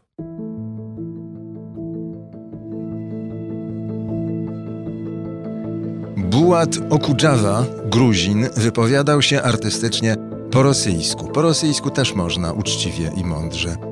Każdy pisze tak, jak słyszy, każdy słyszy tak, jak oddycha. Jak więc oddycha, tak i pisze, śpiewał Okudżawa. Prawdziwość tej implikacji potwierdzają również wypowiedzi niemądre. Weźmy Recepa Tayyipa Erdoana. On oddycha po turecku, inaczej nie potrafi. Głęboko, aż się w głowie kręci, a nawet miesza. Erdoğan słyszy i pisze nazwę swego kraju w oryginale Türkiye. Zrozumiałe. Co jednak mniej zrozumiałe, żąda tego samego od reszty świata. Do postulatu z Ankary już się zastosował sekretariat generalny ONZ, który stosuje się do wszystkiego. W międzynarodowych dokumentach francuskie La Turquie oraz angielskie Turkey, zwłaszcza to indycze miano, ONZ zastąpi słowem właściwym, żeby Türkiye była Türkiye. Gdyby podobny szowinistyczny rebranding miał się upowszechnić, Niemcy w innych językach nie mogłyby się już nazywać Germania, Niemczina, l'Allemagne, Tyskland czy właśnie Niemcy, lecz wyłącznie Deutschland. Węgry, Hungary, Ungarn, La Hongrie wzięłyby rewanż za traktat z Trianon, każąc wszem wobec i każdemu z osobna tytułować się Modzia Rorschach, co akurat Orbanowi mogłoby się spodobać. Gruzja wymagałaby swego gruzińskiego imienia Sakartvelo, w dodatku pisanego w jej własnym alfabecie, i tak dalej, i tak dalej. Wniosek? Lingwistyczna szarża Erdoana w gruncie rzeczy go ośmiesza. Zamiast umacniać pyszną osmańską tożsamość, wydobywa na jaw tureckie kompleksy. O tożsamości uszanowanej przez oficjalną ortografię, wreszcie po 30 latach bicia głową w mur, mogą mówić Polacy na Litwie, inne mniejszości także. Imiona i nazwiska nielitewskie można już zapisywać w dokumentach przy użyciu liter, których nie ma w tamtejszym alfabecie, na przykład W w miejsce dotychczasowego V. Dopuszczono również dwuznaki jak RZ i CZ albo podwójne NN. Także obywatelka Litwy narodowości polskiej, Anna Walczak, nikogo konkretnego nie mamy na myśli, nie musi już znosić ortograficznych amputacji w swoim prawdziwym imieniu i nazwisku, ani wszczepiania literowych protez. Najwyraźniej władze Litwy doszły do przekonania, że przywiązanie Anny Walczak do właściwego zapisu jej tożsamości nie oznacza zaraz ciągot rewizjonistycznych. Wilno, przepraszam, Acipraszał, Wilnius odstępuje od lingwistycznej dyskryminacji w piśmie. W mowie, ściślej w wymowie, szykany się zdarzają, choćby nieświadome, ale to już zjawisko ogólnoświatowe. Gdy pewien litewski książę osiedlił się pod Paryżem, początkowo nie pojmował, kogo w jego domu szuka listonosz anonsujący od progu La lettre pour monsieur Jerzy Giedroyc. A adresatem listu był sam gospodarz, Jerzy Giedroyć. I takie historyjki przynosi lingwistyka niedostosowana. Historia przynosi codziennie nowe przykłady lingwistyki opresyjnej, zaborczej, ludobójczej, praktyki, która nazywa się rusyfikacja. Język jeszcze niedawno sąsiedzki albo i wspólny, teraz na terenach podbitych ma być mową wyłączną. Przy wjeździe do Mariupola tablica informuje już ruskimi bukwami, że Rosja tu jest na zawsze, Rosja jest na wieczna. W bibliotekach mogą pozostać tylko książki rosyjskie, tomy ukraińskie do zniszczenia. Rękopisy nie płoną, wierzył Buchakow. Tak było może za Stalina. Od tamtej pory pirotechnika bardzo poszła naprzód. Przypominam Państwu, że felietony Grzegorza Dobieckiego występują również w formie książkowej. Zachęcam Państwa. Ta książka nosi taki sam tytuł jak nasze felietony, czyli Świat z boku i jest dostępna we wszystkich dobrych księgarniach. Zbliża się drugi poniedziałek miesiąca, co oznacza, że zbliża się premiera raportu o książkach, a zatem Agata Kasprolewicz jest z nami. Witam cię, dzień dobry. Dzień dobry. Co w nowym wydaniu czerwcowym raportu o książkach? Mnóstwo smakołyków literackich w takim e, kobiecym stylu, trochę. A może nawet nie trochę, tylko bardzo, bo 1 czerwca była premiera nowej książki Olgi Tokarczuk i ta nowa książka Olgi Tokarczuk pod tytułem Empuzjon będzie punktem wyjścia do kolejnych literackich e, poszukiwań. Stąd też e, szlak e, tych naszych czytanek raportowych będzie biegł nie tylko przez to uzdrowisko, które opisała Olga Tokarczuk w Empuzjonie, to położone na Śląsku, gdzieś tam w tajemniczej mgle, ale odwiedzimy również czarodziejską górę Tomasza Mana, a także pewien nowojorski szpital, w którym leżał Joseph Heller. Tak, ten Joseph Heller od paragrafu 22. Książka bardzo mało znana, nie ma się z czego śmiać. To jest zapis takiego właśnie szpitalnego doświadczenia, ale również towarzyskiego ale również takie z przymrużeniem oka spojrzenie na to, jak e, ludzie konfrontują się z chorobą i z widokiem choroby. Wszystkie te powieści, a właściwie fragmenty tych e, powieści zaprezentuję. I tutaj znów powiem, że przewrotnie kobieta, bo to prawie wszystko takie mm, opowieści napisane przez mężczyzn o mężczyznach albo w przypadku Olgi Tokarczyk to jest bardziej skomplikowane, bo to przez kobietę o mężczyzna w świecie, w których tych kobiet się nie zauważa, ale cały czas się o nich mówi. E, no dobrze, żeby już bardziej nie komplikować, e, wszystkie te fragmenty literackie przeczyta Olga Sarzyńska, debiutuje w raporcie o książkach. Pomyślałam, że e, warto spróbować kobiecych interpretacji w naszym programie. Mam nadzieję, że będzie się Państwu podobać. Bardzo się cieszę. Y, ja dodam w takim razie, ponieważ mnie nie wywołałaś, to sam się wywołam, bo y, nie tylko kobiety będą obecne y, w audycji. Mianowicie będzie również mowa o książce nowej, znakomitego szkockiego historyka Nialla Fergusona. Nowa jego książka Fatum, Polityka i katastrofy współczesnego świata. O nich porozmawiamy z Niallem Fergusonem. Bardzo się cieszę, że mieliśmy okazję dzięki wydawnictwu literackiemu porozmawiać z tym e, wybitnym historykiem i bardzo no, wspaniałym pisarzem. E, wiele pytań ta książka rodzi, choćby takie na przykład jak e, pytanie o to, czy demokracje są lepsze w zwalczaniu katastrof, czy też może autokracje są lepsze. Pytanie oczywiste, a odpowiedź wcale oczywista nie jest. Dlaczego ludzie są tacy słabi nie tylko w przewidywaniu katastrof, ale w ogóle jakichkolwiek przełomów. Nie przewidzieliśmy upadku komunizmu, nie przewidzieliśmy arabskiej wiosny, nie przewidzieliśmy napaści Putina e, na Ukrainę.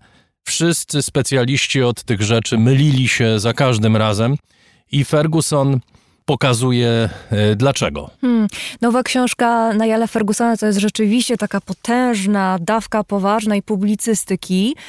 I jeżeli tej publicystyki komuś będzie za dużo, to ja z kolei zaproponuję jeszcze jedną książkę, która co prawda jest powieścią, ale powieścią niezwykle poetycką. I chociaż jest powieścią o pierwszej znanej seryjnej morderczyni, która e, pod koniec XIX wieku przyjechała z Norwegii do Stanów Zjednoczonych, to tych wątków kryminalnych tam praktycznie nie ma. Cały opis y, zbrodni znajduje się na ostatnich, zdaje mi się, dziesięciu stronach, a tak jest to bardzo intymny, psychologiczny portret kobiety zdesperowanej, kobiety, która szuka miłości, która nie potrafi jej znaleźć, która sięga po przemoc, ale to nie jest wszystko takie proste. Autorka, wspaniała zresztą młoda norweska pisarka Wiktoria Kieland podkreśla, że nie usprawiedliwia e, swojej bohaterki, ale próbuje ją zrozumieć, co jest wykańczające. No ale czym innym jest literatura, jeśli nie próbą zrozumienia tego, co nieznane. Agata Kasprolewicz, zapraszamy wszystkich Państwa w poniedziałek, pewnie gdzieś tam w okolicach y, wczesnych godzin popołudniowych raport o książkach już będzie gotowy. Szanowni Państwo, wszystkie raporty, również raport o książkach, nasze raporty wyjazdowe, niedawny wyjazd Adriana Bąka do Finlandii i jego relacje. To wszystko możliwe jest y, dzięki wsparciu państwa, dzięki wsparciu słuchaczy, patronów. I z serca dziękuję wszystkim patronom za to, że dzięki właśnie państwu możemy tworzyć nasze programy. Mam nadzieję, że tak zostanie jeszcze bardzo, bardzo długo.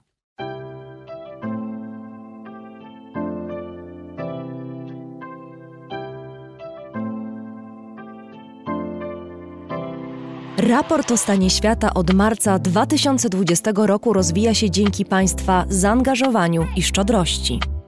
To dzięki Wam możemy opowiadać o świecie przy pomocy dźwięków. Dzięki Wam ten program może być przygotowywany w profesjonalny sposób z zachowaniem najwyższej jakości, bo na nią zasługują słuchacze raportu o stanie świata. Z serca dziękujemy wszystkim Państwu za wpłaty. Wasza hojność jest dla nas ogromnym zobowiązaniem. Zbiórka na patronite.pl ciągle trwa. Zachęcam do udziału w niej.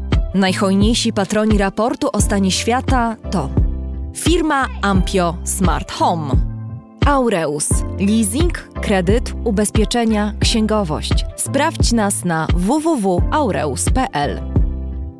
Hotel Bania Termal i Ski w Białce Tatrzańskiej, oferujący pakiety pobytowe z termami w cenie.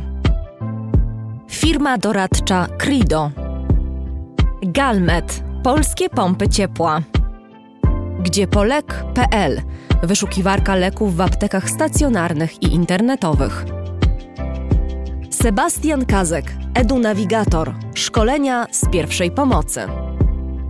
Razem w przyszłość. Polsko-Japońska Akademia Technik Komputerowych. Warszawa, Gdańsk, Bytom. Catering dietetyczny Lightbox, oferujący dietę pudełkową z wyborem potraw z różnych kuchni świata. Michał Małkiewicz. Firma Software Mill. Od zawsze zdalni. Programują dla całego świata. Dom wydawniczy Muza. Bo świat nie jest nam obojętny. Uber. Myślimy globalnie, działamy lokalnie. A także BIMV.pl. Kursy online dla inżynierów. Liceum Błańskiej Gdańsk-Kowale. Przemyślana edukacja w dobrym miejscu. Piotr Bochnia.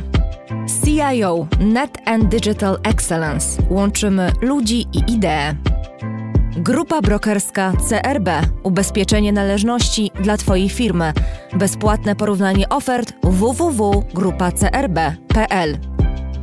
Duna Language Services. Biuro tłumaczeń do zadań specjalnych. www.duna.biz. Mariusz Drużyński. Agata Fischer. Marek Jerzewski. JMP. Z miłości do sportu, z najlepszych tkanin, w sercu Podhala szyjemy dla Was porządną odzież. Palarnia kawy La Cafo z Augustowa. LSB Data. Dedykowane aplikacje internetowe dla biznesu. Masz pomysł? Zrealizujemy go. lsbdata.com Wydawnictwo Uniwersytetu Łódzkiego. Wydawca książek serii Krótkie Wprowadzenie. Aplikacja Moja Gazetka. Polska proekologiczna aplikacja zakupowa z gazetkami promocyjnymi i nie tylko. Moja Gazetka. Kupuj mądrze. Oil Medica. Kosmetyki pod Twoją marką. Firma Prosper z Sosnowca. Hurtownia elektroenergetyczna i właściciel marki Czystuś. Wydawnictwo SQN. Więcej niż książka. www.wsqn.pl Drukarnia cyfrowa totem.com.pl. Dla nas książka zasługuje na najwyższą jakość. Fundacja Wasowskich, opiekująca się spuścizną Jerzego Wasowskiego i wydawca książek Grzegorza Wasowskiego. Szczegóły na wasowscy.com.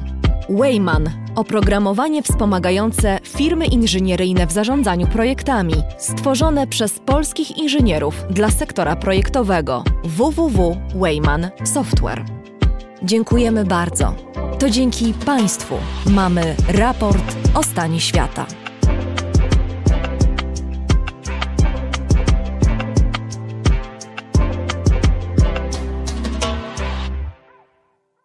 Według badań, których wyniki opublikował niedawno magazyn naukowy Science, ponad 40% żyjących w morzach ryb zagrożonych jest wyginięciem.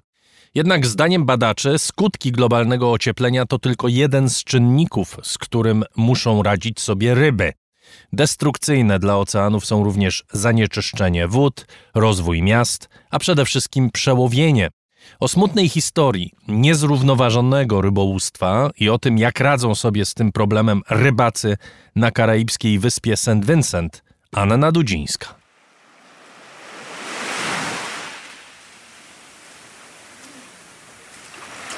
Trzeba zostawić na chwilę karaibskie morze, by wspiąć się do domu, w którym mieszka Franki. Na głównej wyspie niewielkiego państwa San Vincent i Grenadyny jest jedna droga.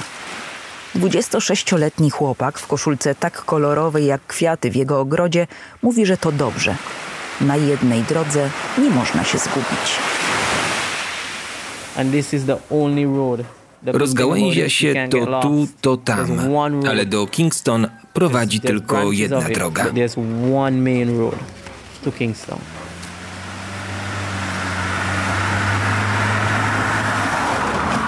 Kingstown to stolica wyspy i tego mniejszego o 800 razy od Polski państwa. W kwietniu wylądowali tu z królewską wizytą książę Edward i jego żona Sofia. Ale ludzie nie przyjęli ich po królewsku. Nie pomógł ani czerwony dywan, ani orkiestra, która zagrała One Love Boba Marleya.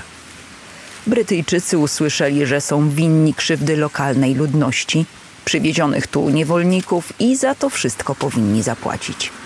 Ale Franki z małej miejscowości Valley Labu nie interesuje się polityką. Nie liczy ani na rząd, ani na odszkodowanie i woli brać sprawy w swoje ręce. So right up here is where I live. Up here? Yeah, you will see. One second. And this is where I do my business. Tu robię interesy. offer here is like it's basically a different type of experience. Chciałbym ofiarować ludziom inny rodzaj doznań. feeling of home. Like how we in the Caribbean do our work. Otrzymasz tu nie tylko dobre jedzenie, ale poczujesz się, jakbyś był w domu. Dobrze, że udało się schować pod dachem. Karaibska ulewa wlewała się już do samochodu, którym jechaliśmy na wzgórze. Na początku to miejsce było bardzo małe, ale zainwestowałem zaoszczędzone pieniądze i wszystko rozbudowałem.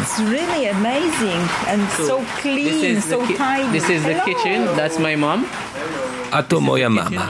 Ona gotuje, gdy mamy gości. Kuchnię można nawet zobaczyć. Potem posiedzieć, popijać drinki, jeść i rozkoszować się widokiem zachodzącego słońca. Stąd zresztą wzięła się nazwa bar is Sunset Hideout. I kiedy zaczynam narzekać, że przy takiej pogodzie nie sposób zobaczyć zachodu słońca, Franki daje mi pierwszą lekcję. Today, unfortunately, we won't see sunset, but No, but the rain is the rain is it's it's like the cycle. Sometimes it all Nie zawsze może świecić słońce. To jest cykl. Rośliny potrzebują także deszczu. It's like if you look at it, it has to balance off. very smart guys. I know. You know? Are you proud? Pani ma bardzo mądrego syna, mówię do mamy, która pojawiła się właśnie na tarasie. A ona zabiera mnie do kuchni. Ah, the kitchen. Przygotowuje typową karaibską zupę. No fish today? No, no fish. I cook kalalu soup. Kalalu, szpinak, mleko kokosowe, solone mięso, zielone banany i knedle. Wszystko to możliwe dzięki temu, że Franki skończył szkołę biznesu, jest mądry, pomysłowy, a zarabiać zaczął już w podstawówce, robiąc biżuterię dla przyjeżdżających tu turystów. I tak się wszystko zaczęło. Barem i restauracją zajmuję się ja. Mama odpowiada za sprzedaż pamiątek, a brat organizuje wycieczki. To jakby pod jednym parasolem były trzy różne aktywności.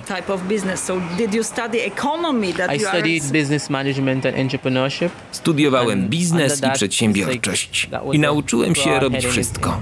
Ekonomię, marketing, sprzedaż i księgowość. I had to do everything. W międzyczasie nad St. Vincent pojawiło się słońce. Jest ciepło, ale opowieść Frankiego pogrąża się w deszczu. To, co mnie do niego przywiodło, to wcale nie podziw nad widokiem z restauracyjnego tarasu. Dzisiaj na obiad nie będzie ryby. Jest zupa z mleczkiem kokosowym. Od jakiegoś czasu ryby albo są, albo ich nie ma. Nie tylko na Morzu Karaibskim, nie tylko w Atlantyku, ale też Pacyfiku, po prostu wszędzie. To co im podajemy? Trzeba będzie wziąć cumę z kei. Tu jest bosak, o. Tomasz Łopata, kapitan żeglugi wielkiej, 40 razy opłynął Półwysep Horn. Teraz zwraca uwagę na to, o czym od dawna alarmują naukowcy. O znikających światowych zasobach ryb. Szczególnie ryb drapieżnych. Wychowałem się na książkach Tora Heyerdala i tym podobnych podróżników, w związku z czym oni pisali o tym, jak płynęli właśnie przez oceany, że wyławiali ogromne ilości ryb. To były oczywiście inne czasy, ale niemniej tych ryb w oceanach było mnóstwo. Więc jak pierwszy raz płynąłem przez Pacyfik, to spodziewałem się, że nie będziemy się mogli opędzić wręcz od tych ryb. A się okazało, że były takie dni, gdzie nie złowiliśmy nic na wędkę. Nie? 3-4 dni, ani jednej ryby. Ja mówię, co jest? Nie? Dlaczego, kurczę, nie złowiliśmy ani jednej ryby? No nie, może mam złą przynętę, no ale jednak okazało się, że to nie do końca tak jest. Jak dotarliśmy na Samoa, to troszkę zobaczyłem, o co w tym wszystkim chodzi. Mianowicie mm, jest wyspa, która należy do Stanów Zjednoczonych, Samoa amerykańskie. I tam jest ogromny port, gdzie stacjonowały tuńczykowce, między innymi. I jak tam porozmawiałem z miejscową ludnością, to się okazało, że połowy tych tuńczykowców już nie pracuje. Bo nie ma ryb. Bo nie ma ryb. Bo nie ma co łowić. Tuńczykowy jest to ogromny statek, który ma gigantyczną sieć i helikopter mały na dachu. Helikopter leci, sprawdza, czy jest gdzieś ławica tuńczyków. Jak jest, to statek podpływa i zgarnia całą ławicę. Przyczyny wyrybiania są różne. Od zanieczyszczenia wód, ich zakwaszania, globalnego ocieplenia, o którym ostatnio tak dużo się pisze, po przełowienie. Amerykańska dziennikarka Naomi Klein zwraca uwagę na ten problem pisząc. Brak ryb to nie dramat na pierwsze strony gazet. Nie ma zdjęć do tego tematu, a tylko garść niczego. Dzieją się naprawdę rzeczy straszne, ale my o tym nie wiemy po prostu, bo to wszystko się dzieje w morzu, daleko od ludzi i pod powierzchnią najczęściej. Jeżeli wybijemy takie morze jak Bałtyk, to będzie to katastrofa ekologiczna na lokalną skalę. To nie będzie coś strasznego w skali planety, prawda? Dla nas nie jest fajnie, że Bałtyku nie ma ryb, ale w skali planety powiedzmy nic się jeszcze strasznego nie dzieje. Natomiast wybicie drapieżników morskich z oceanów, co wydawało się nierealne, to się wydawało nierealne. Pacyfik to jest półkuli ziemskiej. To się wydawało kompletnie nierealne, że jesteśmy w stanie, my ludzie, przełowić ocean. To, to jeszcze do niedawna to w ogóle się nie mieściło w głowie. Okazało się, że tak i to bez większych problemów. To jest ogromny biznes, nic nie widać, na przykład porównując do lasów tropikalnych. Lasy tropikalne wystarczy w tej chwili wypuścić drona i już wiadomo, że ten las ubywa, prawda? Że się zmniejsza. Natomiast tutaj nikt nie jest w stanie ocenić tak naprawdę, mówię z takich y, amatorów, ile tej ryby jest pod wodą. To mogą tylko zrobić naukowcy naprawdę i to na przestrzeni iluś dziesiątek lat przynajmniej, żeby zobaczyć ile tej ryby brakuje. Profesor Jan Marcin Wemsławski, dyrektor Instytutu Oceanologii PAN w Sopocie, jest przekonany, że ryby z wieloma przeszkodami same dadzą sobie radę. Oprócz jednego człowieka i jego chciwości. Ale jak się na to nałoży nadmierne połowy, szczególnie te niekontrolowane, to jest wielkie nieszczęście na świecie w wodach położonych poza obszarami wód terytorialnych poszczególnych państw. Działają pirackie firmy, gangsterskie dosłownie, które łowią wielkimi statkami rybackimi na dużych głębokościach, łowią te najwolniej rosnące ryby na szczytach gór podwodnych. I to jest wielki problem, bo oni rzeczywiście są w stanie, szczególnie te gatunki powoli rosnące, wytępić dosłownie, ale też bardzo trudno jest to kontrolować, no bo mamy zasadę wolności mórz i kontroluje się tylko te pasy wód, nad którymi poszczególne państwa panują. Kutry rybackie, mówimy tu o takich wielkich kutrach, przetwórniach, które pływają po świecie dla wielkich konsorcji, to są generalnie wielkie pieniądze. To nie ma nic wspólnego z takim rybołówstwem jak na Bałtyku, małe kuterki, albo tutaj na Karaibach, gdzie ludzie łódkami czasem nawet bez silnika łowią ryby. To oni tak naprawdę najbardziej na tym wszystkim stracili, bo u nich kiedyś było ryby w brud, a im wyłowili te ryby, a teraz im mówią, nie wolno tyle łowić. to jest dopiero paradoks historii. Jednak przełowienie mórz to też nie jest jedyny problem Frankiego i jego rodziny. Cała rodzina łowi ryby. Normalnie łapaliśmy tuńczyki. Mój ojciec, ja i brat wypływaliśmy na połów. Tak jak inni ludzie z wioski. Przywoływaliśmy tuńczyki, merliny, a potem łapaliśmy. Ale połowy nie są już takie same od czasu, gdy wybuchł wulkan. Jest inaczej. It's different. Thousands of people have been evacuated from the eastern Caribbean island of W kwietniu ubiegłego roku na wyspie wybuchł wulkan. Przez tę jedną krótką chwilę wyspa trafiła na czołówki brytyjskich informacji. Huge, thick plumes of smoke and dust were sent shooting several kilometers The into the volcano, air. Wulkan podgrzał temperaturę wody. Popiół zasypał całą wyspę. I wszystko się zmieniło. Będzie lepiej, ale musimy trochę poczekać. My nie ucierpieliśmy od lawy, ale od popiołów. Everything was covered. by Everything was covered. There was ashes to up here. So 20 centimeters. Mhm. It Wszędzie było pełno pyłów. Zginęło wiele zwierząt i ryb. But they're now starting to rebound. Same like the, Ale one się wildlife, Na przykład kiedyś mogliśmy polować na iguany. I think it's Teraz nie możemy tego robić. Musimy poczekać, aż się odrodzą. Wszystko ucierpiało. Wszystko zostało spalone.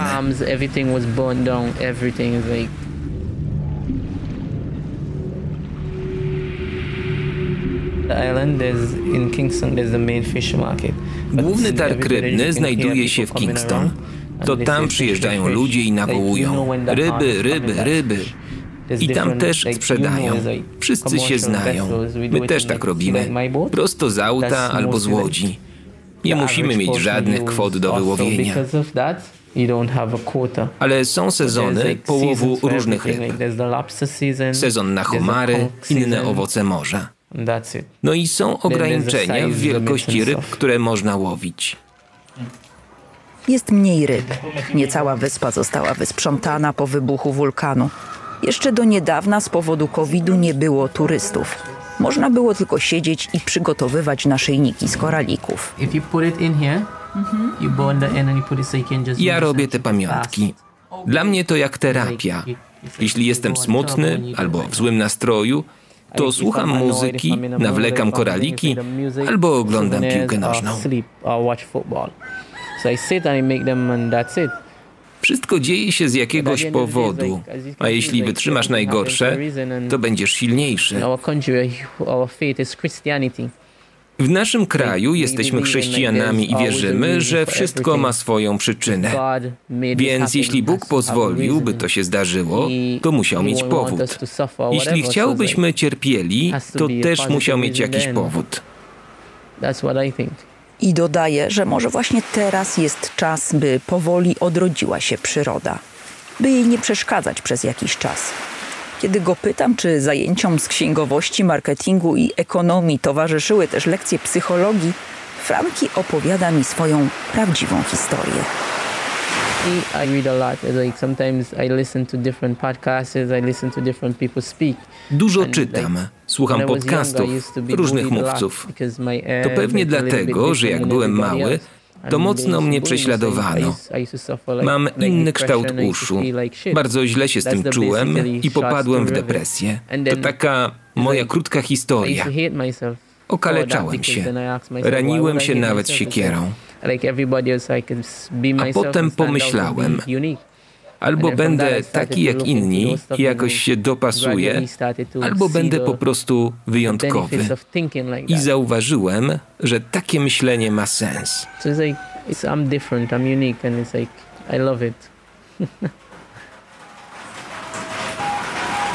the ice cream shop. To sklep z lodami. It's, it's like it used to be in Poland. In order to get something in this life, you have to work for it. I mam jeszcze jedną zasadę. That's what I believe. Jeśli chcesz coś w życiu osiągnąć, to musisz na to You zapracować. work hard for something, I to właśnie robię. you enjoy it better. Jeśli ciężko pracujesz, to potrafisz się tym cieszyć. Dla raportu o stanie świata Anna Dudzińska. Od lutego bieżącego roku Facebook to nie jest już Facebook, tylko Meta. A głównym marketingowym wehikułem firmy ma być metaversum, czyli trójwymiarowy serwis społecznościowy. Nick Clegg, były brytyjski wicepremier w rządzie Davida Camerona, wieloletni lider partii liberalnej, jest od 2018 roku prezydentem do spraw globalnych w wcześniej Facebooku, dziś właśnie w Meta. Praktycznie oznacza to, że jest drugą po Marku Zuckerbergu osobą w firmie. Miałem okazję spotkać się z Nickiem Klegiem niedawno w Warszawie, gdzie rozmawialiśmy na różne ciekawe tematy. Na początek zapytałem, co zepsuło się w Facebooku. Um, it's quite a loaded question, and I'm not sure if I'd accept the the, the premise. Um, what social media has facilitated, of course, To mocno nacechowane pytanie i nie bardzo akceptuję przesłanki, na jakich pan je zadaje. Media społecznościowe w krótkim czasie ułatwiły ludziom wiele rzeczy. Często przypominam, że Facebook powstał tydzień po tym, jak Roger Federer po raz pierwszy został numerem jeden w rankingu światowego tenisa. Czyli era Federera jest dłuższa niż era Facebooka. I to pokazuje, jak szybko ta technologia rozszerzyła się na cały świat i pozwoliła miliardom ludzi wyrażać siebie, komunikować się z rodziną i przyjaciółmi, dzielić się tym, co lubią, jak lubią, kiedy lubią, w niespotykanej wcześniej skali. I to moim zdaniem przyniosło ogromne korzyści, bo społeczeństwa stają się silniejsze, kiedy ludzie mogą wyrażać swobodnie to, co myślą i czują.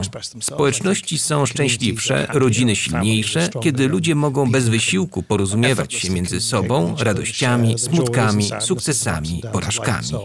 But like any technology, particularly such a frictionless form of communication, and it is a very frictionless form of communication, perhaps without precedent. It also means, of course, that you know bad content um, posted by bad people can also be seen on a scale uh, that it hasn't before. Ale jak so przy każdej technologii, zwłaszcza tak otwartej jak Facebook, złe treści rozpowszechniane przez złych ludzi um, mogą być widoczne w skali, której dotąd nie widzieliśmy.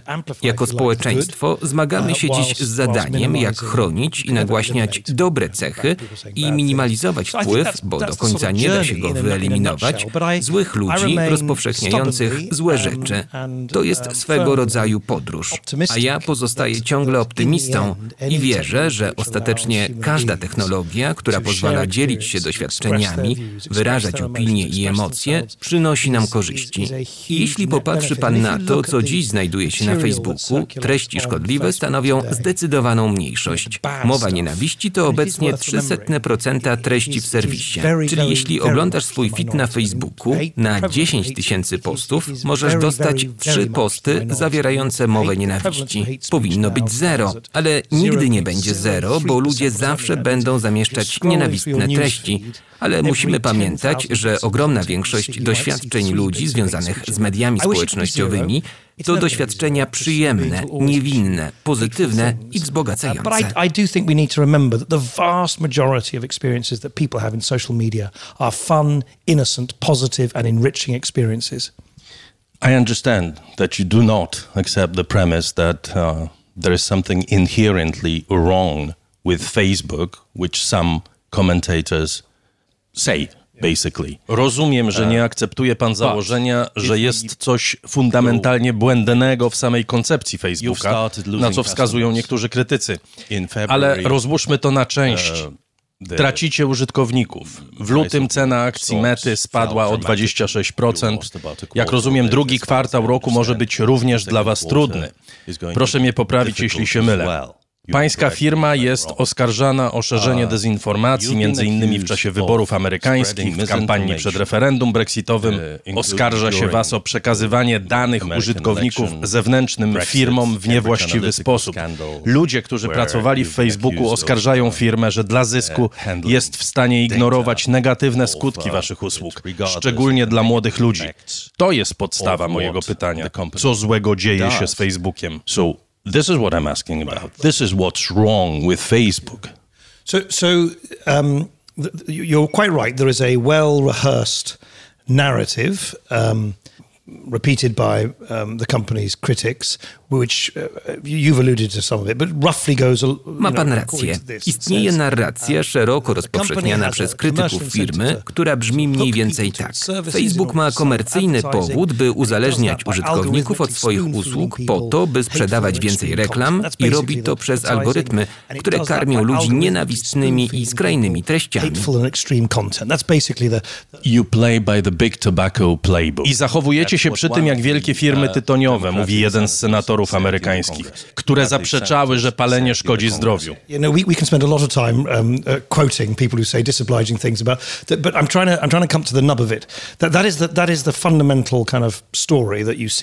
Um. Moglibyśmy długo cytować ludzi, którzy mówią niepotrzebne rzeczy, ale wróćmy do sedna. Moim zdaniem każdy element tej narracji jest nieprawdziwy. Nie mamy żadnego interesu, żeby karmić ludzi nienawiścią, bo ci, którzy nam płacą, czyli reklamodawcy, nie chcą, żeby ich reklamy ukazywały się w otoczeniu treści o nienawistnym charakterze. Interes komercyjny Facebooka jest dokładnie odwrotny. Our commercial incentive is exactly the opposite. Our algorithms, far from spoon feeding hateful content, the evidence is very clear. Our algorithms are the most important tool in identifying misinformation, identifying hate speech, demoting content that, that is on the borderline uh, of our rules. If you took our Nasze algorytmy, i to można udowodnić, są skutecznymi narzędziami do identyfikowania mowy nienawiści i usuwania jej. Jeśli nie stosowalibyśmy tych algorytmów, na ścianach użytkowników byłoby znacznie więcej skrajnych treści. To jest uwaga techniczna, ale może warto ją przytoczyć. Facebook, w przeciwieństwie na przykład do TikToka, nie jest aplikacją czysto algorytmiczną. Nie jest tak, że jak oglądasz jakieś wideo, to algorytm dokłada ci zaraz następne podobne. U nas tak to nie działa. To, co widzisz na swojej ścianie, zależy przede wszystkim od tego, kim są twoi znajomi.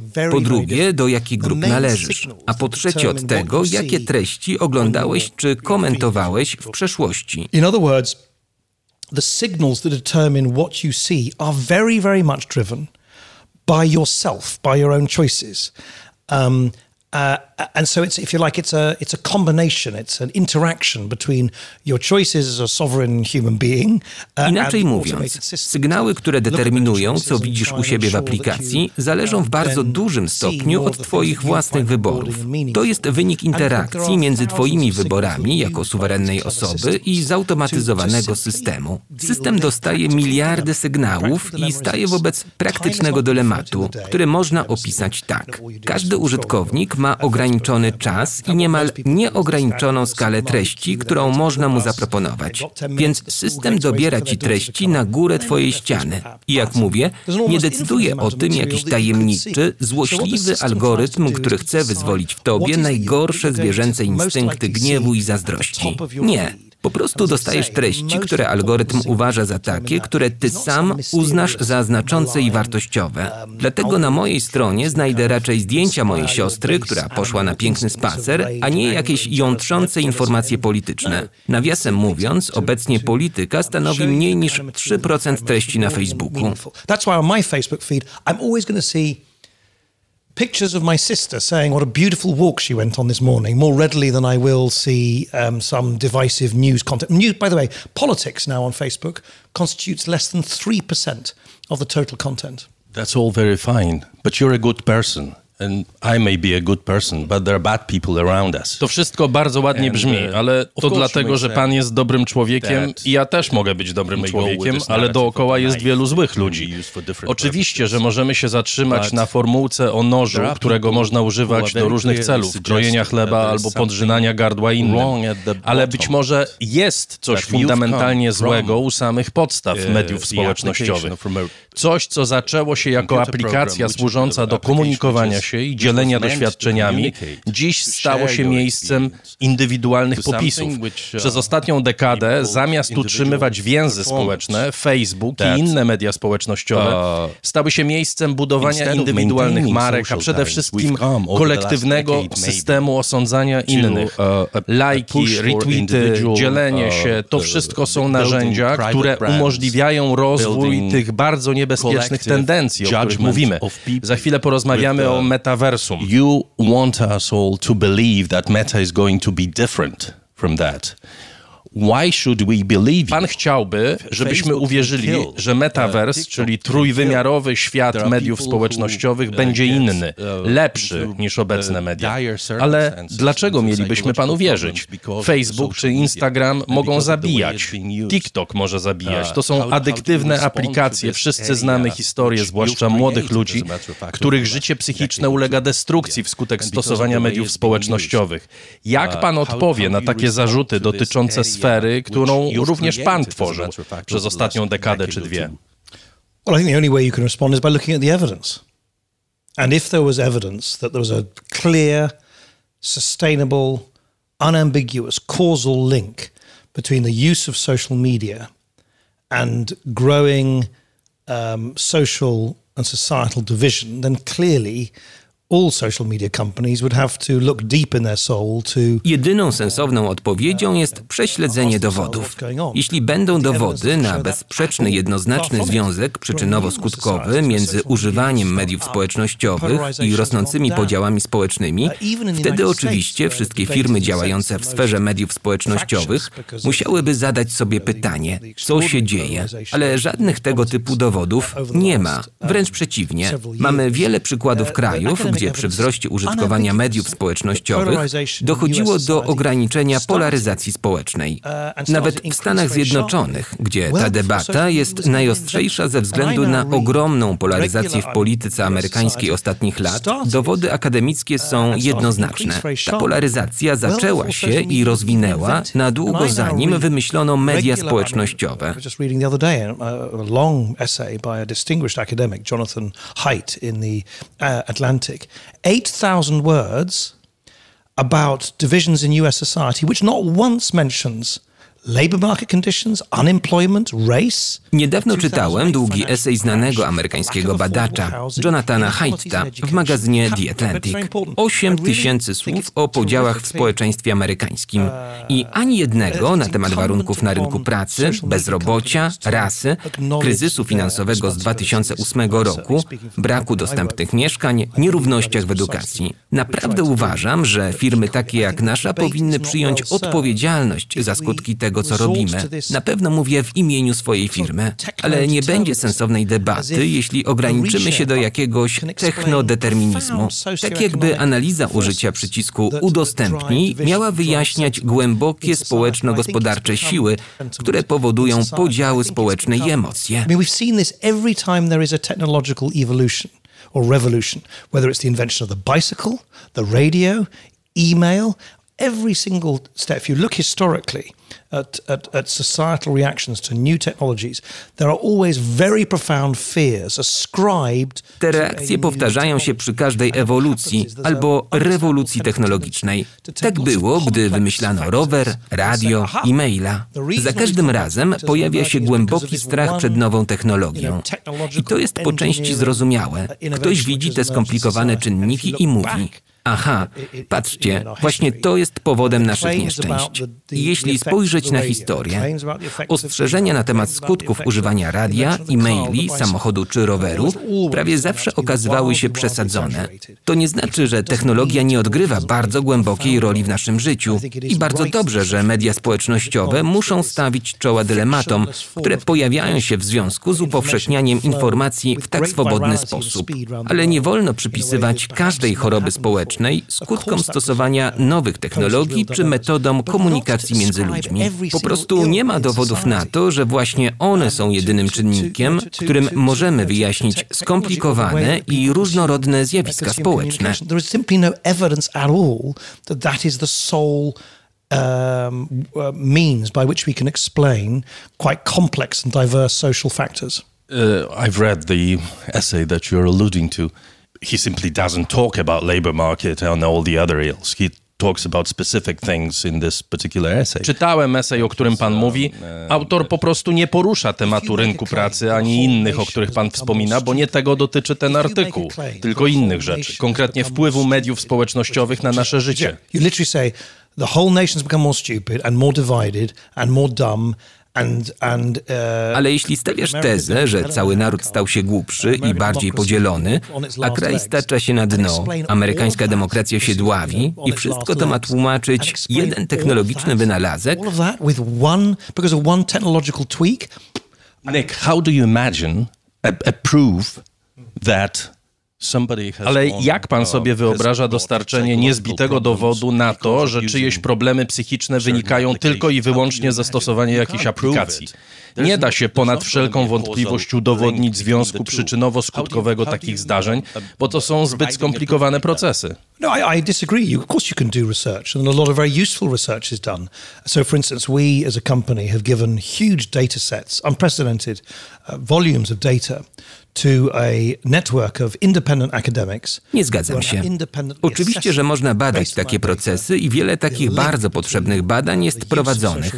Na przykład nasza firma przekazała ogromne ilości danych niezależnym naukowcom, którzy badają zależności między używaniem mediów społecznościowych i zachowaniami elektoratu w wyborach amerykańskich w 2020 roku. I have no idea what conclusions they'll come up with, um, and they hopefully will be publishing their early observations uh, in in a few months' time. But that kind of research can help you. That's what it, you know academic research is designed to. Can help you try and test and stress test these sweeping causal uh, assertions that are made between the use of social media and and and and, and behavior that's manifest in society. Nie mam pojęcia, jakie wnioski wynikną z tych badań. Mam nadzieję, że za kilka miesięcy zostaną opublikowane wstępne obserwacje. I właśnie ten rodzaj badań może nam pomóc w weryfikacji tych generalnych stwierdzeń na temat używania mediów społecznościowych i zachowań społecznych. Podobnie poprzednie badania wykazały, że jeśli przyjrzeć się informacyjnej telewizji kablowej, znajdziesz tam znacznie węższy ideowo zakres treści niż na przykład w swoim Facebooku. Dlaczego? Dlatego, że większość użytkowników Facebooka ma zróżnicowane grono znajomych, z którymi dzieli się treściami. To pozostaje do dyskusji. Nie, to akurat zostało dowiedzione w badaniach. Institute's study from Harvard University recently into voting behavior in, uh, in, in the United States, they will say that uh, cable news TV um, na przykład ośrodek Berkman Klein na Uniwersytecie Harvarda twierdzi, że stacje kablowe są znacznie ważniejszym czynnikiem powodującym polaryzację ideową niż media społecznościowe. Czy pan używa Facebooka? Tak. So I imagine like many people, you will have lots of people on Facebook who are your friends, but many of them are sort of quite loosely defined as friends. They're a colleague you worked with 20 years ago, someone you played football with. Więc domyślam się, że ma pan pewnie wśród znajomych przyjaciół, ale wielu z nich to nie są bliskie osoby. To może być kolega, którego pan znał z pracy 20 lat temu, albo z kimś pan grał w piłkę 15 lat temu. Może dawny przyjaciel, przyjaciółka, ktoś, kogo pan niespecjalnie lubi ale ciągle jest w gronie pańskich znajomych na Facebooku. I ten mieszany zestaw w naturalny sposób produkuje znacznie bardziej różnorodną treść niż na przykład jakiś kanał informacyjny telewizji. Podobnie na przykład, gdy mieszka pan w Wielkiej Brytanii i czyta tylko Daily Mail. A zatem, w wyniku tego, jak skonstruowany jest Facebook, ten serwis zapewnia znacznie bardziej różnorodną treść niż się często uważa. I to można badać i nawiasem mówiąc, uważam, że takie firmy jak nasza powinny być zmuszane i zresztą są zmuszane przez regulatorów do przekazywania danych do badań.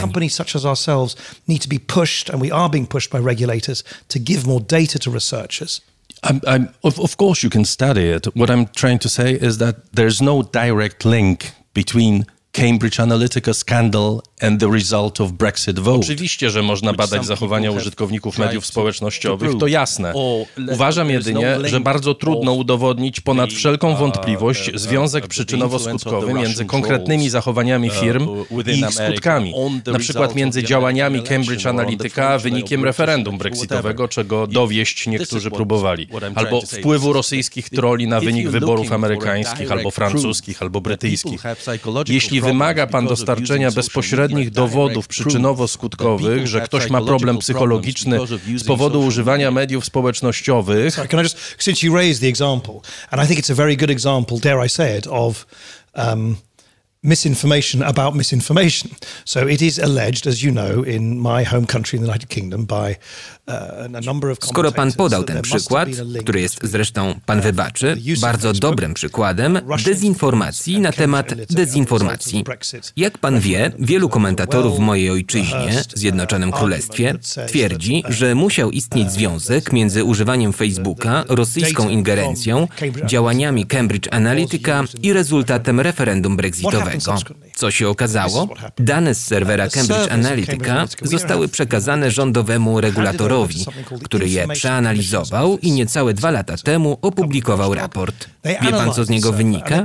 Okazało się, że na tym serwerze w ogóle nie było brytyjskich danych. Czyli to było fizycznie niemożliwe, żeby istniał jakikolwiek związek między Cambridge Analytica i sposobem, w jaki ludzie konsumowali treści na Facebooku podczas kampanii przed referendum. Ale jak to się mówi, fakty nie mogą przeszkadzać dobrej historii. Nie wolno nam ulegać łatwym generalizacjom. Każda wątpliwość powinna być analizowana indywidualnie w oparciu o możliwie najszersze badania. Nie zawsze, ale bardzo często generalizacje na temat związku technologii z wydarzeniami społecznymi nie są w stanie sprostać wymogom krytycznej oceny.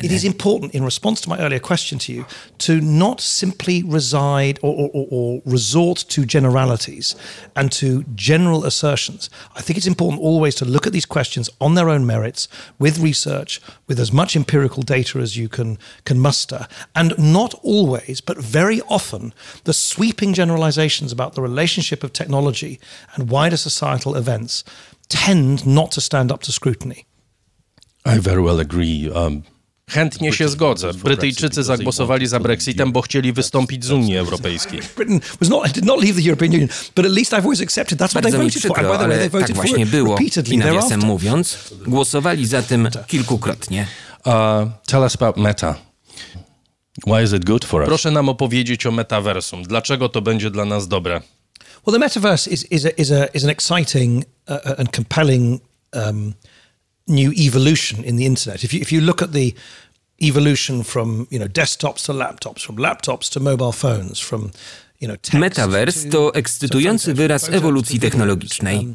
Proszę popatrzeć na przejście od komputerów osobistych do laptopów, potem od laptopów do telefonów komórkowych, od SMS-ów do zdjęć, od zdjęć do treści wideo.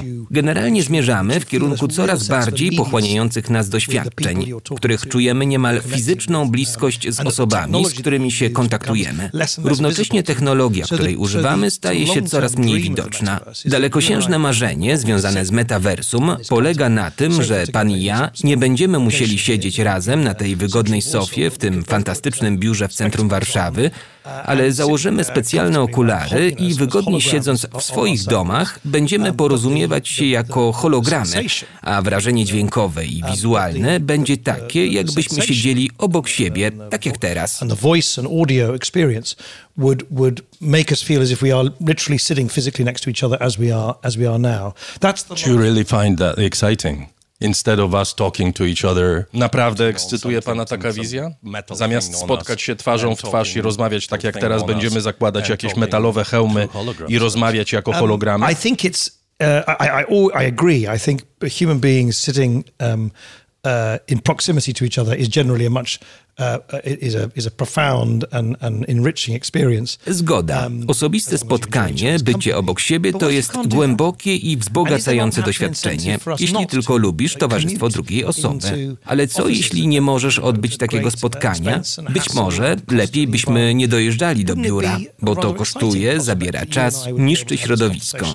Czy nie fajnie byłoby odbyć taką rozmowę, kiedy ja bym siedział w swoim salonie w północnej Kalifornii, a pan w swoim domu w Warszawie Warszawie i czulibyśmy się tak, jakbyśmy oddychali tym samym powietrzem. To może brzmieć utopijnie, albo naiwnie, albo jak science fiction. Utopian or naive or like a piece of science fiction. It's already dystopian, może dystopijnie. No, I don't think it's remotely. What is dystopian about wanting to feel that you can Nie. Co w tym dystopijnego? Że możemy użyć technologii, aby poczuć się blisko innych ludzi? You are talking about three factors. Ephemerality, which is as I understand, volatility of an experience. Three factors of something that uh, metaverse will bring to us, which is the illusion of normal life. Pisze pan o trzech czynnikach, które kształtują metaversum. Efemeryczność, czyli ulotność doświadczenia, ufizycznienie, czyli złudzenie kontaktu fizycznego oraz imersja, czyli złudzenie bycia wchłoniętym przez doświadczenie. Na przykład jak oglądasz film i dajesz się ponieść w inny świat. To wszystko ma nam dać złudzenie prawdziwego życia. These are illusions. So take embodiment, for instance. You and I, I don't know you, you don't know me, but we've been communicating with each other verbally, but actually Every time I look at you and every time you look at me, we're picking up thousands of signals about each other. Niekoniecznie złudzenie. Weźmy ufizycznienie. Komunikujemy się werbalnie, ale za każdym razem, kiedy ja patrzę na Pana, a Pan na mnie, wychwytujemy tysiące sygnałów. Mowa naszych ciał, ten cały aspekt niewerbalny, jest niezwykle ważny w ludzkiej komunikacji. I w obecnie dostępnych formach technologii komunikacyjnych ten aspekt jest kompletnie wyeliminowany. Ekscytujące w metaversum jest to, że mowa ciała, przyjazna albo wroga, otwarta albo zamknięta, jest obecna. To nam zapewnia bardziej uosobioną i bogatszą obecność bez konieczności przebywania razem. I oczywiście zgadzam się z Panem. Nie chodzi o usuwanie z naszego doświadczenia realnego życia, tylko o wzbogacenie go. To give a class to a uh, a group of medical students about how to perform surgery as if they're in the lecture theatre with her or him. It will allow a teacher to teach uh, Niech pan sobie wyobrazi chirurga, który udziela lekcji grupie studentów na temat techniki operacyjnej, tak jakby byli razem w sali wykładowej. Nauczyciel będzie mógł uczyć dwunastolatków o starożytnym Rzymie na spacerze w przestrzeni, która będzie przypominała starożytny Rzym. Czyż to nie jest ekscytujące? Myślę, że społeczny, edukacyjny, medyczny potencjał tej nowej technologii jest ogromny. Do you miss politics? Czy tęskni pan za polityką, zwłaszcza um, brytyjską? Not especially. I, I mean, I had a good innings. I was in politics for close to 20 years, and um, I, of course I would have loved to have been British Prime Minister, but the, uh, the, the, the, British voters had different ideas and, um, Oczywiście, że bardzo chciałem zostać brytyjskim premierem, ale wyborcy zdecydowali inaczej. Um, Miałem szczęście służyć krajowi. Byłem wicepremierem przez pół dekady. Uh, przez wiele lat kierowałem um, partią polityczną, uh, ale moja kariera polityczna, jak wiele innych, zakończyła się porażką. Nie wiem jak pan, ale ja uważam, że ciągle oglądanie się za siebie z dojmującym poczuciem żalu to nie jest najlepszy pomysł. Nie tęsknię za Westminsterem za bardzo. Izba Gmin to nieco wyblakła instytucja, ciągle zbyt mocno osadzona w XIX wieku. Ale to, czego chyba żałuję, to bliski kontakt z małą społecznością, którą reprezentowałem. W moim wypadku to było 60-70 tysięcy ludzi, których reprezentowałem przez 12 lat. Ten lokalny aspekt zanurzenia w lokalnej społeczności to ciągle wspaniała cecha brytyjskiego systemu. I tego mi brakuje, reszty nie bardzo. W polityce walczysz mieczem i giniesz od miecza. I to właśnie stało się moim udziałem. local community, um, I, think is uh, I think is a is a is a great uh, enduring strength of the British political system, uh, and I, I miss that. But much of the rest of it, I look, I, I you know, in politics, you live by the sword and you die by the sword, and that's exactly what happened to me. Um, when you look at the world nowadays, when you see all these anti-establishment movements, when you see people in Britain voting for Brexit. Kiedy patrzy pan na obecny świat i widzi ruchy antyestablishmentowe w Wielkiej Brytanii, ludzi, którzy głosują na Brexit we Francji, głosujących na zgromadzenie Marine Le Pen, kiedy patrzy pan na takie kraje jak Polska, czy Węgry, czy Stany Zjednoczone, jak pan tłumaczy ten wzrost nastrojów buntowniczych, odrzucających główny nurt polityki obecny przez ostatnie trzy dekady? Idea that, that has grabbed the world, as a matter of fact. When you look at the United States, this is what's happening as well. So, look, uh, numerous uh, books and studies have been written about this issue. Why is it that um, the what appears, at least with hindsight now, to be the relative stability of you know the old debates between centre left and centre right and a little bit more taxation, a bit lower taxation so on. Na ten temat powstały liczne książki i raporty. Dlaczego system w miarę stabilnej debaty między centrolewicą i centroprawicą na temat lekko wyższych albo lekko niższych podatków um, ustąpił na rzecz znacznie bardziej gwałtownej wymiany politycznej, gdzie główną rolę odgrywają skrajności? gdzie polityka tożsamościowa nabiera znaczenia. Można to tłumaczyć na wiele sposobów. Dla mnie najważniejsze jest, że dla milionów ludzi zarabiających skromnie, zwłaszcza po kryzysie 2008 roku, kapitalizm po prostu nie działa. Myślę tu o bardzo konkretnej sprawie. Przestał istnieć związek między tym, jak ciężko pracujesz i jak dużo zarabiasz. Widziałem to na własne oczy w moim okręgu wyborczym w Sheffield.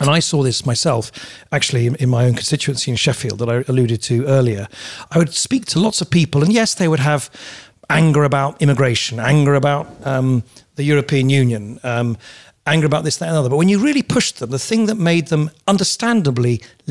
Gdy pogadać z ludźmi, to tak, są źli w związku ze wzrostem imigracji. Są źli na Unię Europejską i na inne rzeczy. Ale kiedy mocniej poskrobiesz, to okazuje się, że najbardziej wściekli są na to, że pracują dłużej za tę samą płacę, albo tyle samo co poprzednio za niższą płacę i że nie mają perspektyw, by wyrwać się z tego błędnego koła.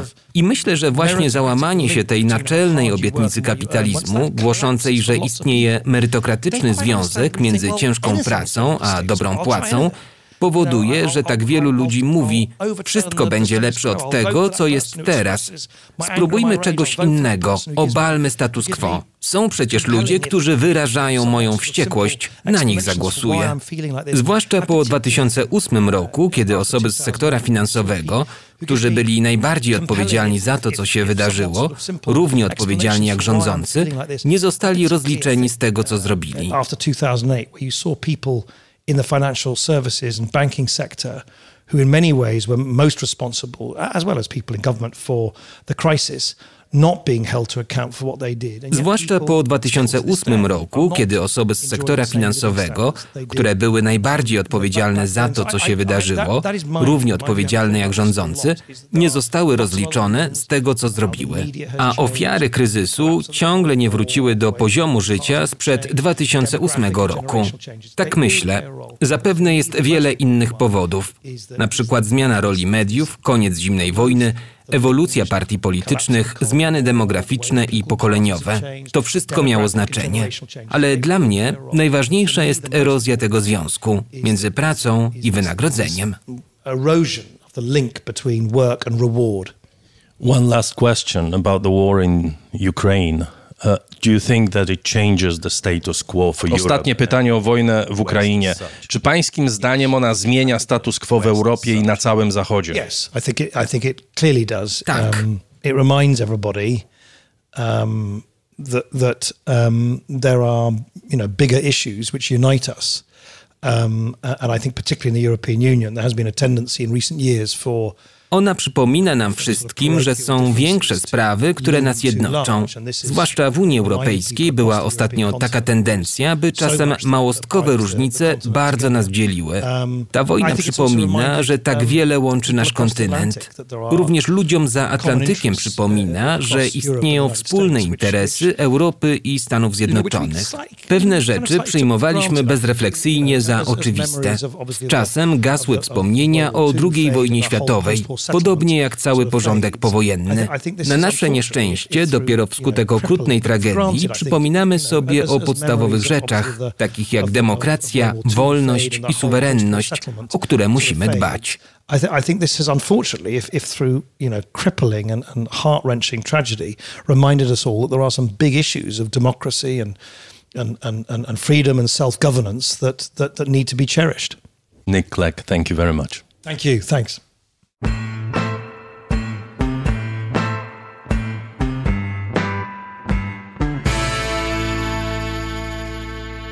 W siedmiu amerykańskich stanach we wtorek odbędą się wybory wstępne, które pewnie pokażą, jakie nastroje panują w tych elektoratach obu partii przed wyborami jesiennymi, kiedy Amerykanie pójdą do urn wybierać członków kongresu. W Stanach w ogóle zapowiada się gorący polityczny początek lata. W czwartek po 11 miesiącach pracy Komisja Kongresu badająca okoliczności szturmu na Kapitol 6 stycznia 2021 roku miała pierwsze publiczne przesłuchanie. Za kilka tygodni możemy spodziewać się ważnego orzeczenia w sprawie prawa do aborcji, a jeszcze do tego Ameryka żyje dramatem, który miał miejsce w Uvalde ponad dwa tygodnie temu. 21 osób zginęło w masakrze dokonanej przez 18-latka. W studio Andrzej Kochut z Centrum Analiz Klubu Jagiellońskiego, autor podcastu po amerykańsku. Witam, dzień dobry. Dzień dobry, witam serdecznie. Może zacznijmy od tego przesłuchania. To jest y, początek dłuższego procesu, a równocześnie koniec pewnego procesu, bo od 11 miesięcy trwało y, dochodzenie prowadzone przez y, komisję parlamentarną, komisję kongresu, która miała dowiedzieć się, co tak naprawdę stało się 6 stycznia 2021 roku na Kapitolu. I mamy pierwsze oznaki tego, czym te przesłuchania publiczne mogą być. No, Liz Cheney, czyli córka byłego wiceprezydenta USA, mówi, że to Trump stał za zamieszkami, prawda? To on rozpalił ogień tego ataku. Były prokurator generalny mówi, y, że sam wielokrotnie Trumpa informował, że nie ma żadnych podstaw, żeby y, uważać te wybory za sfałszowane, wybory 2020 roku. Trump po prostu je przegrał przesłuchania y, będą pokazywać to, co już wiemy, tylko że jeszcze bardziej polaryzację Stanów Zjednoczonych. I będą te polaryzacje niewątpliwie wzmacniać, to znaczy trudno spodziewać się czegoś innego niż w pewnym sensie politycznego e, spektaklu wokół tej sprawy, gdzie role są już tak naprawdę rozpisane od długich miesięcy, tak jak pan redaktor e, wspomniał. To jest sprawa, która w tej chwili może zaszkodzić republikanom, może im zaszkodzić u progu wyborów połówkowych, które przed nami na jesieni i to jest coś, czego demokraci chwycą się jak brzytwy, jak zresztą też pewnie kilku innych tematów, o których będziemy rozmawiać, bo poza, tym, poza tą kwestią dochodzenia w sprawie Kapitolu, w sprawie 6 stycznia, wiele rzeczy działa dzisiaj na niekorzyść partii, która ma nie tylko prezydenta, ale też większość w obydwu izbach kongresu będzie się starała tą większość zachować w nadchodzących wyborach. Jeśli jesteśmy przy Trumpie, jaka jest jego pozycja w tej chwili? On cały czas mówi, że w 2024 roku być może będzie startował. I wciąż jest jednym z potencjalnie najsilniejszych kandydatów po stronie republikańskiej, chociaż o, o, oczywiście rosną mu konkurenci, chociażby Ron DeSantis jest często gubernator z Florydy wymieniany jako potencjalny a, następca Trumpa, jako rywal Trumpa być może wewnątrz tego obozu republikańskiego, natomiast wszyscy wciąż uważają, że to właśnie Donald Trump ma najsilniejsze karty, by w 2024 roku te wybory wygrać. To, co się odbywa teraz, czyli prawybory w Partii Republikańskiej w kolejnych stanach dotyczących tego, e, kto będzie reprezentował republikanów w tych jesiennych wyborach, e, traktowane są często jako swego rodzaju test na siłę Trumpa wewnątrz Partii Republikańskiej. E, z napięciem obserwowane są kolejne głosowania, czy kandydat, którego wsparł Donald Trump, poparł go słownie, czy też w jakikolwiek inny sposób sposób, e, czy ten kandydat okaże się zwycięski, no bo to zdaniem niektórych pozwoli ocenić, czy siła Trumpa nad elektoratem republikańskim wciąż jest duża.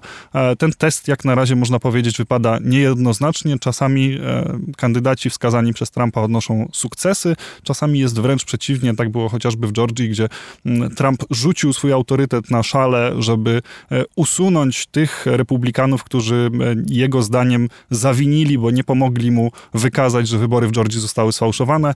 Ten autorytet Trumpa nie pomógł. Ci kandydaci, których on nie chciał i tak w prawyborach zwyciężyli, będą republikanów reprezentować na jesieni. Te wstępne wybory, czy prawybory, jakkolwiek byśmy je nie nazwali, y, one rzeczywiście są testem i one, tak jak pan powiedział, one nie pokazują jednoznacznie, że Trump zostaje odrzucony, ale przez to, że nie pokazują jednoznacznie, że Trump zostaje odrzucony, to cały czas tli się jakby ogień pod postacią Trumpa, pod y, ideami, które on głosi, pod jego pomysłami na politykę w Ameryce. On ma ciągle zwolenników i ciągle jest wystarczająco duża grupa republikanów, jak rozumiem, która myśli sobie, to jest człowiek, który nam zapewni władzę. Mało tego, nawet jeżeli spojrzymy na alternatywy, to Ron DeSantis, jeżeli czymś się czasem wyróżnia, to tym, że w niektórych e, aspektach jest bardziej radykalny od samego Trumpa, na przykład w kwestii e, szczepień na COVID-19, gdzie Trump e, raczej skłania się ku temu, że szczepionki są sukcesem jego administracji, popiera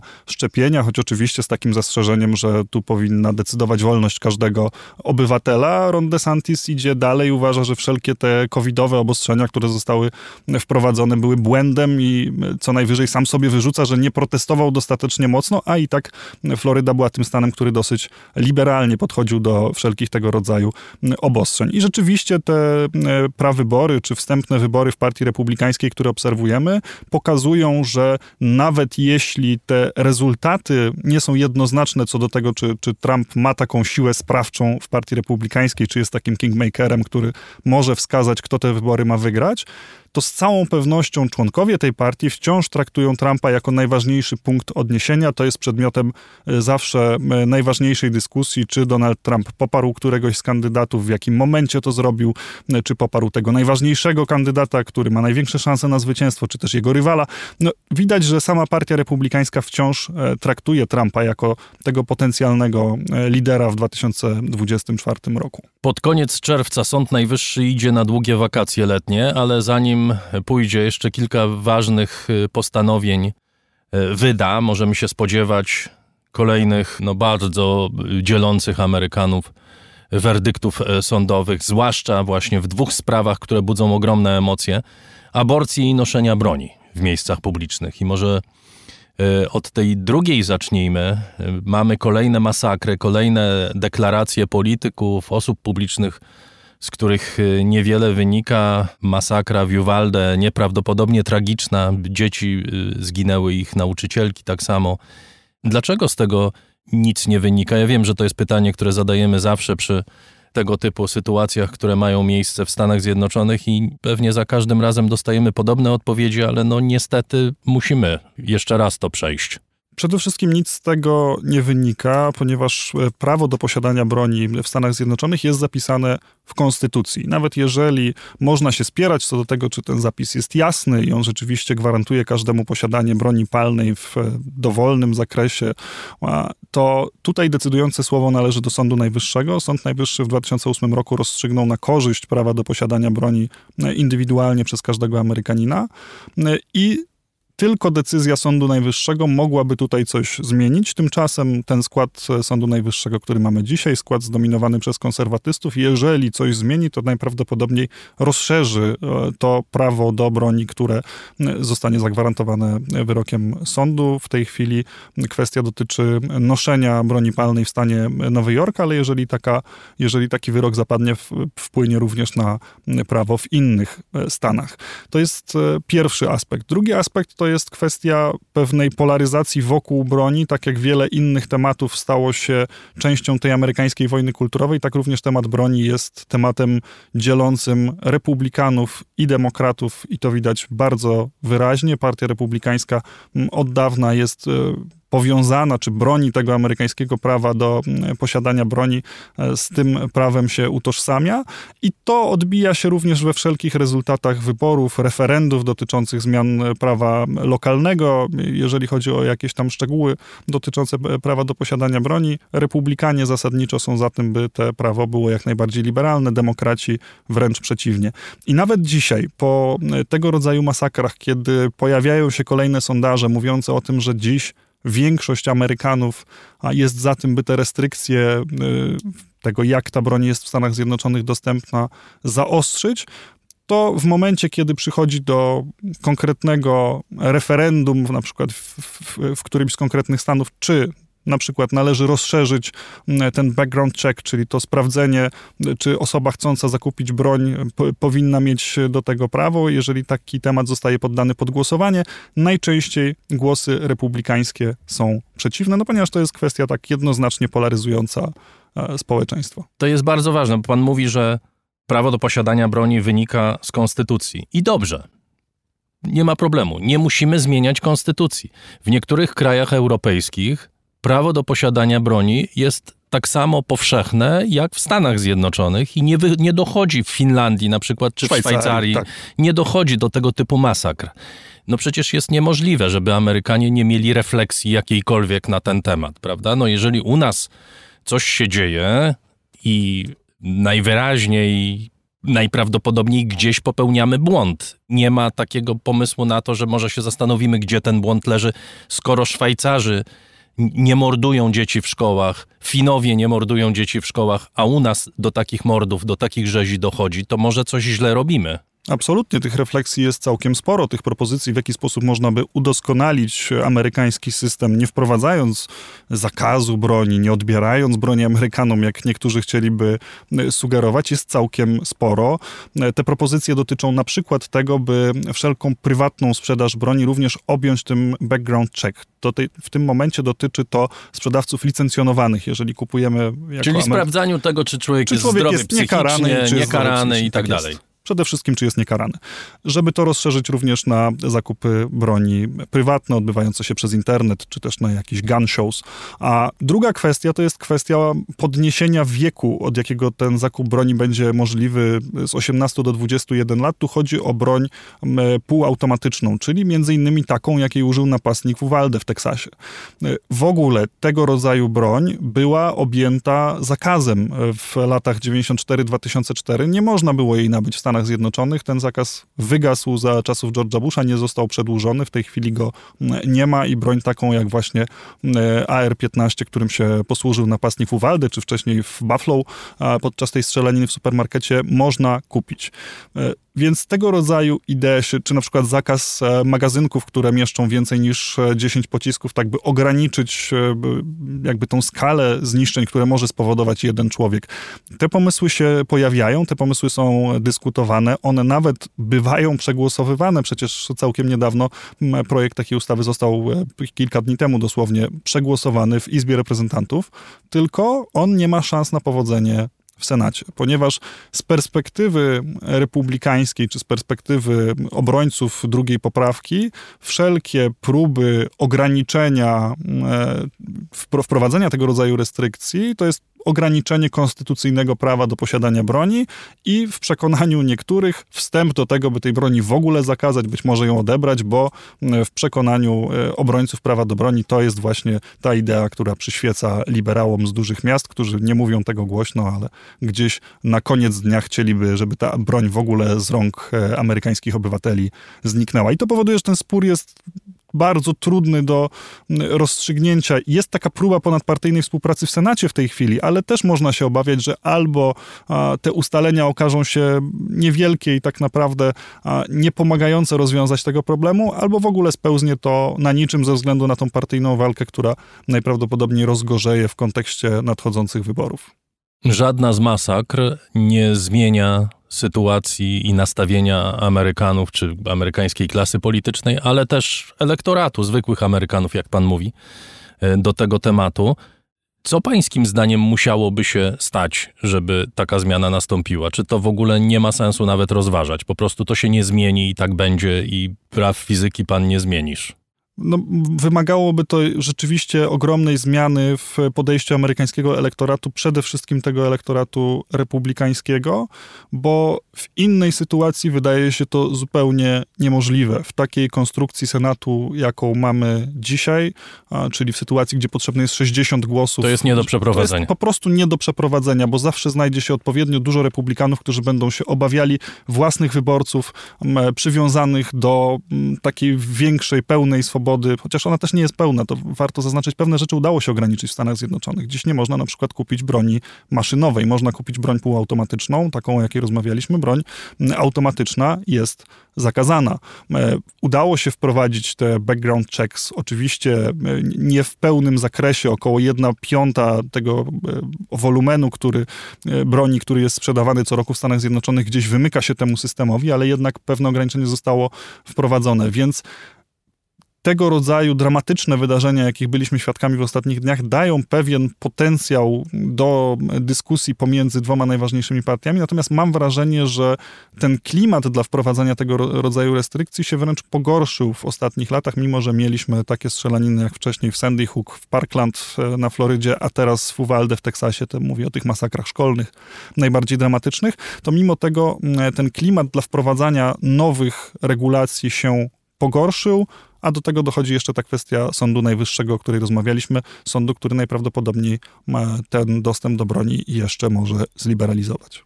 To jest sąd zdominowany przez konserwatystów y, stosunkiem głosów 6 do 3.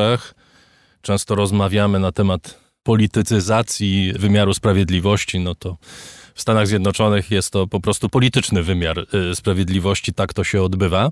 Nie będzie niespodzianek zapewne również y, w sprawach aborcji. Mieliśmy przeciek, który pokazuje, że wkrótce, w ciągu kilku tygodni, może dojść praktycznie do zdelegalizowania aborcji na poziomie federalnym. Dobrze mówię? No to nie do końca tak. To znaczy aborcja wciąż w Stanach Zjednoczonych pozostanie legalna. To, co, co wynika z tego draftu, tego uzasadnienia wyroku pióra sędziego Alito, który poznaliśmy przed kilkoma tygodniami, to to, że po pierwsze Sąd e, Najwyższy chciałby uznać ten wyrok Roe versus Wade z 73 roku za niebyły, za błędny, że te konstytucyjne prawo do aborcji w rzeczywistości nie istnieje.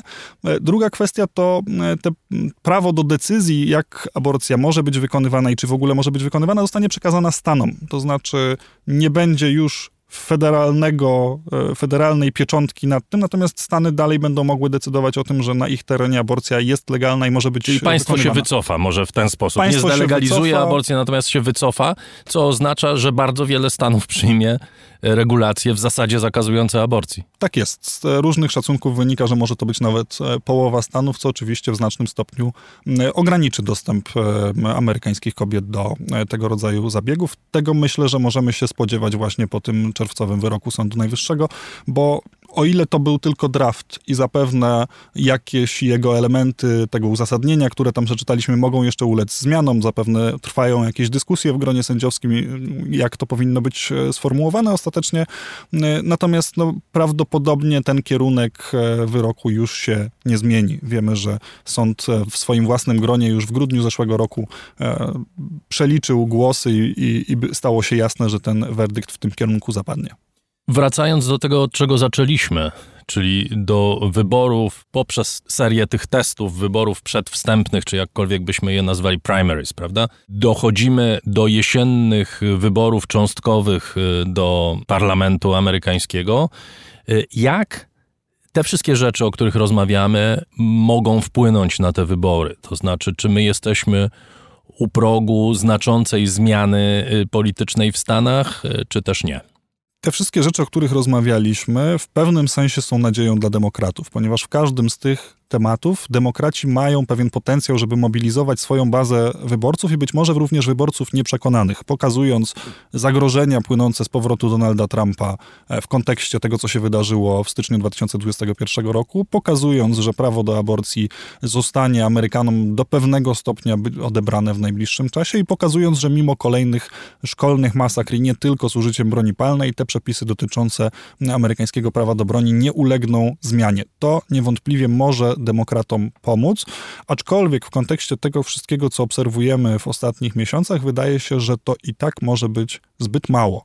E, to znaczy, sondaże dla Joe Bidena są wyjątkowo niekorzystne już od wielu, wielu tygodni i tym, co przesądza o złych nastrojach wśród Amerykanów, to są te czynniki, które my też bardzo dobrze z Polski znamy. To znaczy, to jest kwestia inflacji, to jest kwestia bardzo wysokich cen na stacjach paliw, no i wszelkich pochodnych tej drożyzny. W tej chwili do tego dołączają jeszcze bardzo mocno lęki związane z problemami z dostępnością żywności. Ta, ta kwestia jest w Stanach bardzo mocno dyskutowana i to będzie działało negatywnie na notowania Partii Demokratycznej prawdopodobnie niezależnie od tych kwestii kulturowych, natomiast trudno sobie wyobrazić, by mieli demokraci dzisiaj lepszy materiał do odbudowania tego swojego poparcia, czy też przynajmniej nakłonienia tych być może już nieco sceptycznych swoich wyborców do tego, by jeszcze raz im zaufali a, i poszli na nich zagłosować jesienią. Jeżeli to się im nie powiedzie, to bardzo prawdopodobnym scenariuszem jest republikański sukces e, w listopadzie i wtedy Joe Biden przez ostatnie dwa lata swojej kadencji będzie się mierzył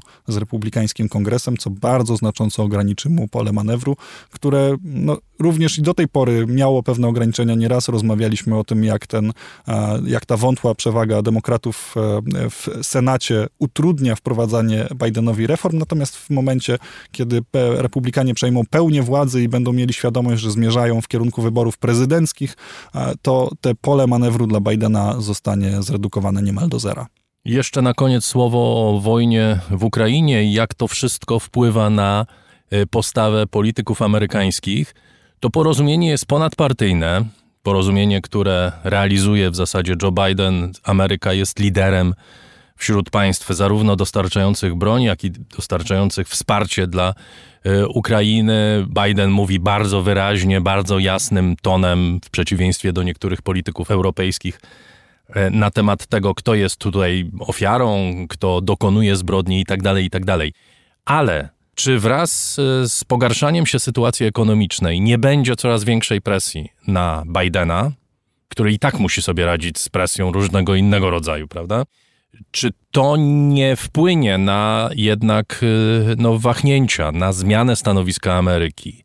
Czy na jesieni nie dojdziemy do sytuacji, w której wojna będzie się przedłużała, bo wiemy, że się będzie przedłużała, wszyscy będą się męczyć, będziemy się zbliżali do zimy, w trakcie której będziemy musieli płacić coraz więcej za surowce energetyczne i tak dalej, i tak dalej. Jak to wszystko rzutuje na postawę Ameryki wobec wojny? Myślę, że wsparcie administracji Bidena dla e, Ukrainy w tym konflikcie pozostanie. To się raczej nie zmieni. Natomiast zaangażowanie Ameryki mierzone ilością wysłanej broni, zaangażowanie również finansowe może ulec zmniejszeniu. Mam wrażenie, że to, że w ostatnich e, tygodniach byliśmy świadkami e, ogromnych pakietów pomocowych, które udało się administracji Bidena przeprowadzić przez kongres, ostatnio to były te, te 40 miliardów, to jest sygnał, że w administracji istnieje obawa, że właśnie na jesieni wraz z pogarszaniem się sytuacji gospodarczej wewnętrznej może być duży problem przed realizowaniem kolejnych tego typu kroków, dlatego finansowanie wojny na Ukrainie trzeba przeprowadzić wcześniej, kiedy ten potencjał poparcia w społeczeństwie jest jeszcze wciąż duży. Nie widzę jak na razie potencjału na to, żeby kurs Ameryki wobec Ukrainy i wobec tego, co się dzieje w naszej części Europy się zmienił, ale na pewno ograniczają go już teraz obawy przed eskalacją. To jest bardzo widoczne, że w amerykańskim społeczeństwie, jeżeli e, istnieje jakiś potencjał wystraszenia Amerykanów ty, tym, przed tym zaangażowaniem w tę wojnę, to jest to ryzyko wysłania wojsk e, do, na Ukrainę. Te, na to się nikt w Stanach Zjednoczonych nie godzi na poziomie społecznym. E, I ryzyko konfliktu nuklearnego, to w Stanach Zjednoczonych w sondażach wychodzi, też jest wciąż obecne rzeczą, która powinna nas w jakimś stopniu niepokoić, to są te głosy, które się już zaczynają pojawiać, które są przeciwne wsparciu dla Ukrainy, chociaż porozumienie jest ponadpartyjne, tak jak pan redaktor wspomniał. To pojawiają się już głosy w kongresie przeciwne, czy pojawiały się od samego początku te głosy przeciwne temu wsparciu i można sobie wyobrazić, że wraz z pogarszaniem się sytuacji gospodarczej te głosy e, mogą być wzmocnione, bo skoro w społeczeństwie pojawi się tego rodzaju frustracja, można sobie wyobrazić, że pojawią się również politycy, którzy będą chcieli ją wykorzystać. Bardzo dziękuję. Andrzej Kochut z Centrum Analiz Klubu Jagiellońskiego, autor podcastu po amerykańsku, był gościem raportu o stanie świata. Dziękuję bardzo. Dziękuję za rozmowę. To już prawie wszystko w tym wydaniu raportu o stanie świata. Jeszcze raz serdecznie dziękuję wszystkim naszym patronom, dzięki którym powstają raporty. Zapraszam w poniedziałek na raport o książkach, który poprowadzi Agata Kasprolewicz. Potem w środę raport na dziś, w sobotę główne wydanie programu, jak zwykle. Już teraz sygnalizuję, że 22 czerwca, jeszcze przed sezonem wakacyjnym, zapraszam Państwa na spotkanie online. Porozmawiamy o tym, co udało nam się zrobić przez ostatnie miesiące, o planach raportu o stanie świata. Będzie okazja porozmawiać o różnych rzeczach, które Państwa ciekawią. Oczywiście szczegółowe informacje w najbliższych dniach, ale już teraz proszę sobie rezerwować środę 22 czerwca wieczorową porą. Za dziś dziękuję Adrian Bąk, Chris Wawrzak, Agata Kasprolewicz, Dariusz Rosiak. Na koniec jeszcze piękny duet ukraiński dwóch grup Okeaneuzy i Odyn w kanoe. Чому мені сниться, як знову і знову гуляєм з тобою по рідному Львову, там пахне весною і сонце сідає на березі річки, якої немає. І дивляться леви на тебе ласкаво, і варять бажання із запахом кави, і вільно на розі між пеклом і раєм. У Львові так просто своє не вмирає.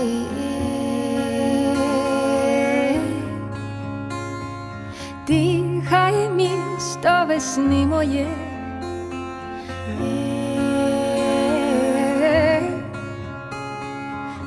міста весни моє,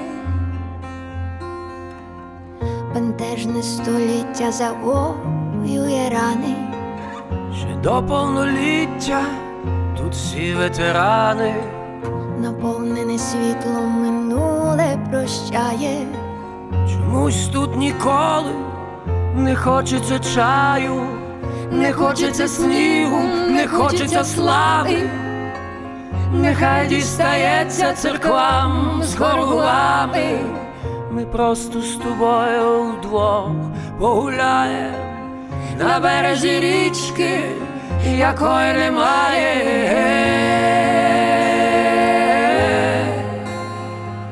Тихає місто весни моє.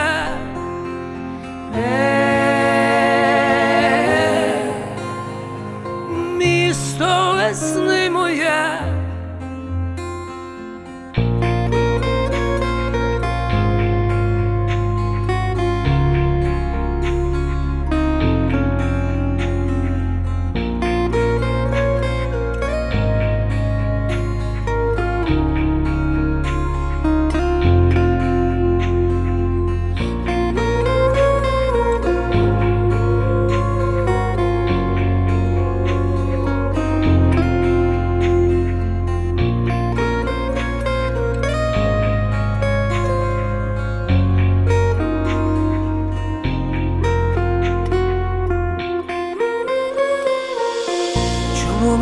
можемо забути про зливи?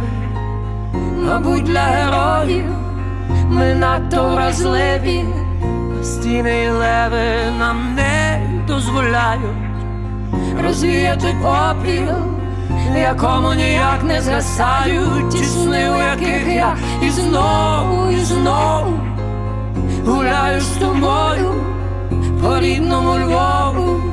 Там пахне весною і сонце сідає на березі річки, якої давно вже немає. Дихає місто весни моє.